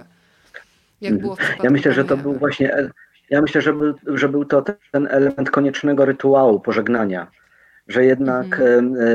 że jednak trzeba, to, to, to, to tutaj znowu wracamy do e, Celiny Kukuczkowej i że to było bardzo podobne, e, że ona też chciała pojechać w Himalaje i też na miejscu zobaczyć, gdzie tą lotce, jak wyglądała, prawda, gdzie zginął jej mąż. Tak samo Ewa Diakowska, pojechała synami właśnie po to, żeby, żeby dokończyć ten rytuał, który jest nam strasznie potrzebny, który y, coś zamyka i pozwala nam po prostu dalej żyć, pogodzić się ze stratą i, e, i bez tego jest bardzo trudno, zwłaszcza, że nie ma grobu, prawda, że y, jest grób, który jest pusty y, w, na Pęksowym Żysku w Zakopanem, bo można pójść zapalić tam świeczkę, no ale wszyscy mają świadomość, że, że, że to jest grób pusty i jest, jest bardzo symboliczny. Więc myślę, że to, że to strasznie potrzebne nie tylko właśnie rodzinom Himalajsów, nam wszystkim jest potrzebny ten rytuał pożegnania. I, I, on jest bardzo ważny, bo, bo pozwala nam przetrwać, pozwala nam e, iść dalej. I, i myślę, że, że, że, że tutaj w książce chyba jest taki fragment, kiedy, kiedy Ewa Berbeka się przyznaje do tego, że to było jej strasznie potrzebne i poczuła taką ulgę właśnie po, po tym, jak mogła zobaczyć to miejsce, bo dotarli aż e, do, do bazy i mogła zobaczyć tą górę i mogła e, spojrzeć e, w niebo i, i, i popatrzeć, gdzie to się mogło ewentualnie stać. To było strasznie ważne. Mogła, ona, ona przebywała tam też sama ze sobą, ona siedziała, patrzyła na górę i, i wiedziała, że, no mogła symbolicznie przynajmniej porozmawiać z Maćkiem. Chciałam jeszcze pokazać Państwu zdjęcie z młodości, tego momentu e, z lat e, akademickich jeszcze tej pary. Można powiedzieć, że bardzo ciekawe i dziękuję Ci też za te takie wątki Mm, które pokazują przeszłość naszych bohaterów, e, ten moment, kiedy się w sobie zakochali, no tam były takie zapędy do swatania i takie historie wręcz z jakiejś no, komedii romantycznej, słuchaj. No bo tak, bo to niemal było małżeństwo zaaranżowane, prawda? To bardzo tak. zabawne, kiedy, kiedy e, e, no bo Ewa studiowała w Wyższej Szkole Sztuk Plastycznych w Gdańsku, tam jej ojciec profesor Andrzej Diakowski wykładał, ona tam też studiowała, Maciek w Akademii Sztuk Pięknych w Krakowie. No i y, kiedyś na wakacje y, pojechał na, z kolegami nad morze, kiedy wracali y, pociągiem w przedziale, to, to, to też przeznaczenie, nie wiem, przypadek, siedziała Monika Olszewska, mama, mama Ewy, no i tak no ha, ha, ha, hi, hi, hi, ona z Zakopanego, ja z Zakopanego, no to, a, a Maciek, a koledzy do, mówią, że Maciek jest wolny, kawaler, to może by tą Ewę e, e, jakoś sobie tam e, no, przygruchał. Więc wszyscy się bardzo świetnie bawili, Maciek mniej, no bo tam ciągle ich szturchał, tych swoich kolegów, mówię, no co wy, no co wy, ja przecież nie znam tej dziewczyny, dajcie wy spokój. No ale pani Monika podeszła do tego bardzo profesjonalnie, jak, jak taka typowa swatka. Przyjechała do domu i powiedziała Ewie, że poznała bardzo fajnego chłopaka z Zakopanego, nazywa się Maciej Berbeka i mają, ma, ma iść tam do, do knajpy, e, jest umówiona na nim na spotka z nim na spotkanie. I, Ewa e, co zrobiła? Poszła. Oczywiście, że poszła. Co zrobił Maciek? No oczywiście e, poszedł, mimo się, że się tak zbraniał. Też ciekawa sytuacja przed spotkaniem, bo oni się minęli na krupówkach, nie znając się, nie widząc się wcześniej. I Ewa e, mówi, o, minęła takiego przystojnego faceta. Jakby to był, jakby to był ten Maciek Berbeka, to za takiego to może by, może, może by coś z tego było, prawda? no i okazało się, jak weszła do, do, do knajpy, no to był on, ten facet, którego ona mijała na, na krupówkach. Więc, więc to rzeczywiście była miłość od pierwszego wejrzenia i taka bardzo romantyczna, właśnie z filmów takich romantycznych. No, fajna czwórka dzieci, czwórka fajnych chłopaków, lata wspólne, wiele przeżyć, wspólny dom w Zakopanem, taka bardzo ciepła, bardzo ciepła rodzina, bardzo szlachetna. Naprawdę bardzo było przyjemnie wejść w, to, w ten świat i, i, i w to życie, bo no, naprawdę się rzadko zdarza.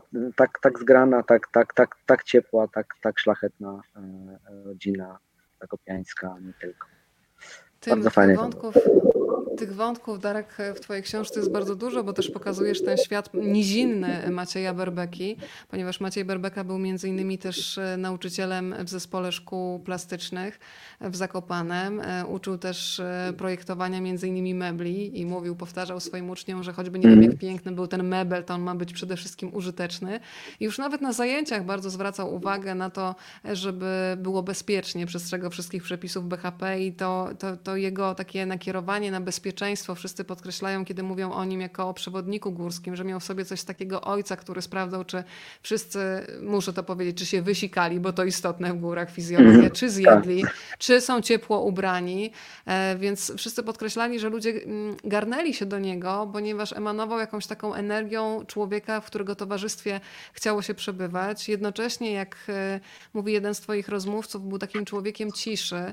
I chyba e, Franek, syn Macieja Berbeki, mówi coś takiego, że bywały takie momenty, że jechali razem z mamą samochodem na przykład do Warszawy i potrafił się całą drogę nie odzywać, nie ale nie dlatego, że mieli jakieś ciche dni, tylko po prostu był zanurzony w swoich myślach i chyba nawet Franek powiedział coś takiego, że on chyba lubił swoje myśli. E, I tworzy się taki obraz człowieka, w którego towarzystwie naprawdę chce się przebywać, więc e, dziękuję Ci raz jeszcze za, za taką bliskość, którą stworzyliście mm. w swojej książce. Ale powiedz mi na finał, co Ciebie mm. najbardziej e, zaskoczyło, bo kiedy się przystępuje do pisania tej książki, no to ma się już jakiś research za sobą, masz jakieś wyobrażenie, mhm. ale oczywiście kolejne spotkania i rozmowy e, zmieniają pewnie e, ogląd sytuacji. Czy był jakiś taki rozmówca, który najbardziej wpłynął na tą książkę, który być może trochę zmienił jej kształt i kierunek opowieści? Wiesz co, chciałbym, chciałbym e, powiedzieć Ci o, innej, o innym moim odczuciu, bo mhm. oczywiście nie ma człowieka idealnego, prawda? Każdy, każdy z tak. nas jest raz taki, raz taki. No każdy, każdy ma lepsze, gorsze dni. E, i pewnie ma e, grono ludzi, którzy go nie lubią, a oprócz przyjaciół, prawda, ma, tak, tak, się zdarza, no tak w życiu jest, no, że nie jesteśmy jednowymiarowi. I ja się bardzo bałem e, tego, żeby w tej książce Maciek nie wyszedł właśnie tak jednowymiarowo, że to taki fajny facet, spokojny, miły, cudowny ideał, no bo nikt mi po prostu w to nie uwierzy. Takich ludzi nie ma. I, e, I rzeczywiście e, z Jurkiem szukaliśmy bardzo e, bohaterów, którzy by nam opowiedzieli o Maćku, który jest właśnie odbiega od tego portretu wspaniałego faceta, na którego zawsze można liczyć, ciepłego, szczerego, uśmiechniętego, skrzącego się dowcipem. No i pomyśleliśmy sobie, słuchaj, jak my pójdziemy do tej szkoły Kenera, on tam był nauczycielem, przecież nauczycieli, no to znajdziemy takich uczniów, którzy E, pewnie go nie lubili i nam powiedzą e, dlaczego e, i, i będziemy mieli coś, co, co potrafi, co, taki nożyk, którym uda nam się zdrapać troszkę tego brązu, brązu z pomnika. No i poszliśmy do, do, do, do uczniów Maćka, no i, no nasze pytanie, jakim, jakim był nauczycielem, no liczyliśmy na to, że ktoś powie, nie no, wymagająco okropny, straszny dwóje stawiał, w ogóle bez sensu i tak dalej. A, a, a no może dlatego, że mieliśmy e, szczęście e, trafić na uczennicę, na dziewczynę, no i odpowiedź była taka, Jezu, on był taki piękny. No i musieliśmy sobie jakoś poradzić. To było zaskoczenie, wiesz, że naprawdę pierwszy raz spotkałem e, hatera, gdzie usilnie e, e, szukałem, szukałem właśnie jakiś rys na charakterze. Pewnie one są, ale, ale zostały tak głęboko ukryte, że, że, że nikt o nich po prostu nie wspominał. I, i słuchaj, też rozmawialiśmy z ludźmi, którzy chodzili na, na te trekkingi, jeździli w różne miejsca świata. I tych ludzi było bardzo dużo, bo naprawdę on tych wypraw prowadził mnóstwo. Więc jak już spotkaliśmy tam 20 kolejną osobę, która mówiła dokładnie to samo właśnie, wspaniały, cudowny, czy czuły i tak dalej, i tak dalej, i tak dalej, to potem e, pamiętam taką rozmowę z Jurkiem, wzięliśmy dosyć, basta, po prostu nie ma sensu, ponieważ wszyscy e, mówią to samo, no zróbmy z tego jednego zbiorowego bohatera, no i już musimy się z tym pogodzić, że ten obraz y, y, Maćka jest jaki jest, no ale może rzeczywiście taki, y, taki był. Nam, może nie, może jak ktoś w przyszłości podejmie się napisania nowej biografii Macieja Berbeki, to znajdzie takie osoby, które go nie, lubiał, nie lubiały i, i, i ten portret będzie nieco inny. Nam, przyznaję, tutaj się do porażki się to jakoś nie udało. Jak ja bym chciała, żebyś to miał więcej takich porażkowych, wiesz, bohaterów, bo może to jest właśnie ten moment, kiedy czas uwierzyć, że tacy ludzie, w których towarzystwie chce się przebywać, ludzi z pasją, istnieją. E, więc e, tak, tak bym tutaj to podsumowała. Darek, e, poproszę cię, ponieważ obiecałam ci Państwu, że jeden egzemplarz książki Berbeka Życie w cieniu Broad Peaku powędruje do dobrego domu, do kogoś, kto ma głodne czytania oczy i chciałby kontynuować tę górską opowieść już u siebie w domu. Tradycyjnie proszę naszych gości, żeby podali mi numer maila, od 1 do 10, który zostanie nagrodzony, a ja za chwilę Państwu podam adres, pod którym będę czekała na Wasze wiadomości. E, maszyna losująca e, i tutaj mamy cyfrę 7 7. No to drodzy Państwo, czas start. Rozmawiam, bo lubię gmail.com. E, wpisujemy hasło Berbeka Życie w cieniu Broad Peaku. Taki jest tytuł tej książki i siódmy mail, który wpadnie do mojej skrzynki zostanie nagrodzony. Napiszę do Państwa zaraz po naszym programie. E, I zaproszę też już na ostatnie przedświąteczne spotkanie, które odbędzie się jutro. Przed świętami będę wysyłać Państwu kulę dobrej energii razem z Agnieszką Cegielską. Porozmawiamy o jej książce Naturalnie dla zdrowia o godzinie 20.30. Muszę powiedzieć, że po tej książce zestworzyłam sobie listę ekspertów, dzięki, których dzięki Agnieszce poznałam i których teraz chcę poznać nie tylko dzięki książce, ale też osobiście face to face. I pomyślałam sobie, że tym, co dobre, lubię się dzielić i puszczam w obieg, więc tak będzie też i jutro. A Darek, ciebie jeszcze muszę wypytać, ponieważ kolejna książka skończona, czy ja już mogę na coś czekać i liczyć, bo ja lubię ten stan, kiedy już wiem, że mam na co czekać. Tym samym, co w twojej głowie, który bohater jest teraz maglowany, czyich wad szukasz, bo ty nie wierzysz, że, że ludzie mogą być tak, jasni, tak jaśni. No. Słuchaj, e, więc e, z obietnic nici e, no obiecaliśmy nie. sobie z Marcinem, że już e, nie będzie o górach, ale życie niesie niespodzianki. No i e, no, ponieważ e, no, jesteśmy z Katowic, a w Katowicach wkrótce, no może niedługo zostanie parę Muzeum Himalaizmu w domu Kukuczki więc pomyśleliśmy sobie, że fajnie byłoby napisać monografię klubu wysokogórskiego, katowickiego. O, naprawdę mm. bardzo ciekawi, bardzo fajni ludzie e, byli. To troszkę też e, to opleść historią e, miasta, historią Śląska i pokazać tego pejzażu śląskiego i pejzażu himalajskiego. Może to się nam jakoś fajnie uda. Więc nad tym, nad tym teraz pracujemy. Jak koronawirus pozwoli, to myślę, że za rok o tej porze to ta książka już będzie gotowa i, i, i do czytania. Także trzymam za siebie kciuki za mocno, że nam się uda. Szczepmy ja się mam... wszyscy, no bo, bo będzie, będzie wtedy bezpiecznie i, i, i pokonamy e, właśnie tą e, pandemię. Jakoś mam, mam nadzieję, że będzie dobrze w tym nadchodzącym roku. Darek, to cieszę się, że my pokonaliśmy huraganowe wiatry, które zrywały internet w Zabrzu, że udało nam się tutaj e, finiszować. Ja już sprawdzam. Przepraszam za to, przepraszam Cię w ogóle, że wytrzymałaś i, i naprawdę jesteś e, kobietą o nerwach ze stali. Będę Cię nazywał e, Weroniką Stalową teraz. No. Dobrze, dobrze. Skoro mogę w ten sposób zyskać taki przydomek, to faktycznie będę dumna. Słuchaj, spoglądam na skrzynkę i już sprawdzam. Maile Berbeka Życie w cieniu Brodpiku jest tak. Raz, dwa, trzy, cztery, pięć, sześć, siedem. E, pani, o, bardzo ciekawy jest nick, nie ma nazwiska, więc e, mogę podać. Monisia 9874 i tam jeszcze końcówka jest... E, tego adresu. Pani Moniko, e, bo mniemam, że za Monisią się kryje Monika.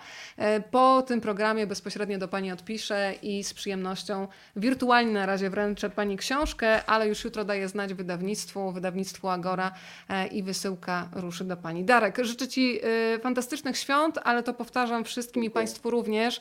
Życzę świetnych świąt, ale przede wszystkim fantastycznej codzienności. Nie czekajmy na fajerwerki, tylko po prostu z każdego dnia wyczarujmy coś dobrego. Dariusz Kortko był dzisiaj razem z nami. Pięknie Ci dziękuję za to spotkanie.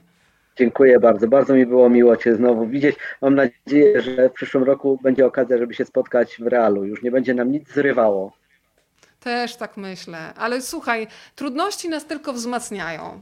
Wiesz, gdyby się wszystko od razu udawało, to, to byśmy się nie mogli rozwijać, a tak to tutaj zyskałam sobie przydomek Stalowa, więc Stalowa Weronika zaprasza Was na jutro 20.30. Pięknie Ci dziękuję.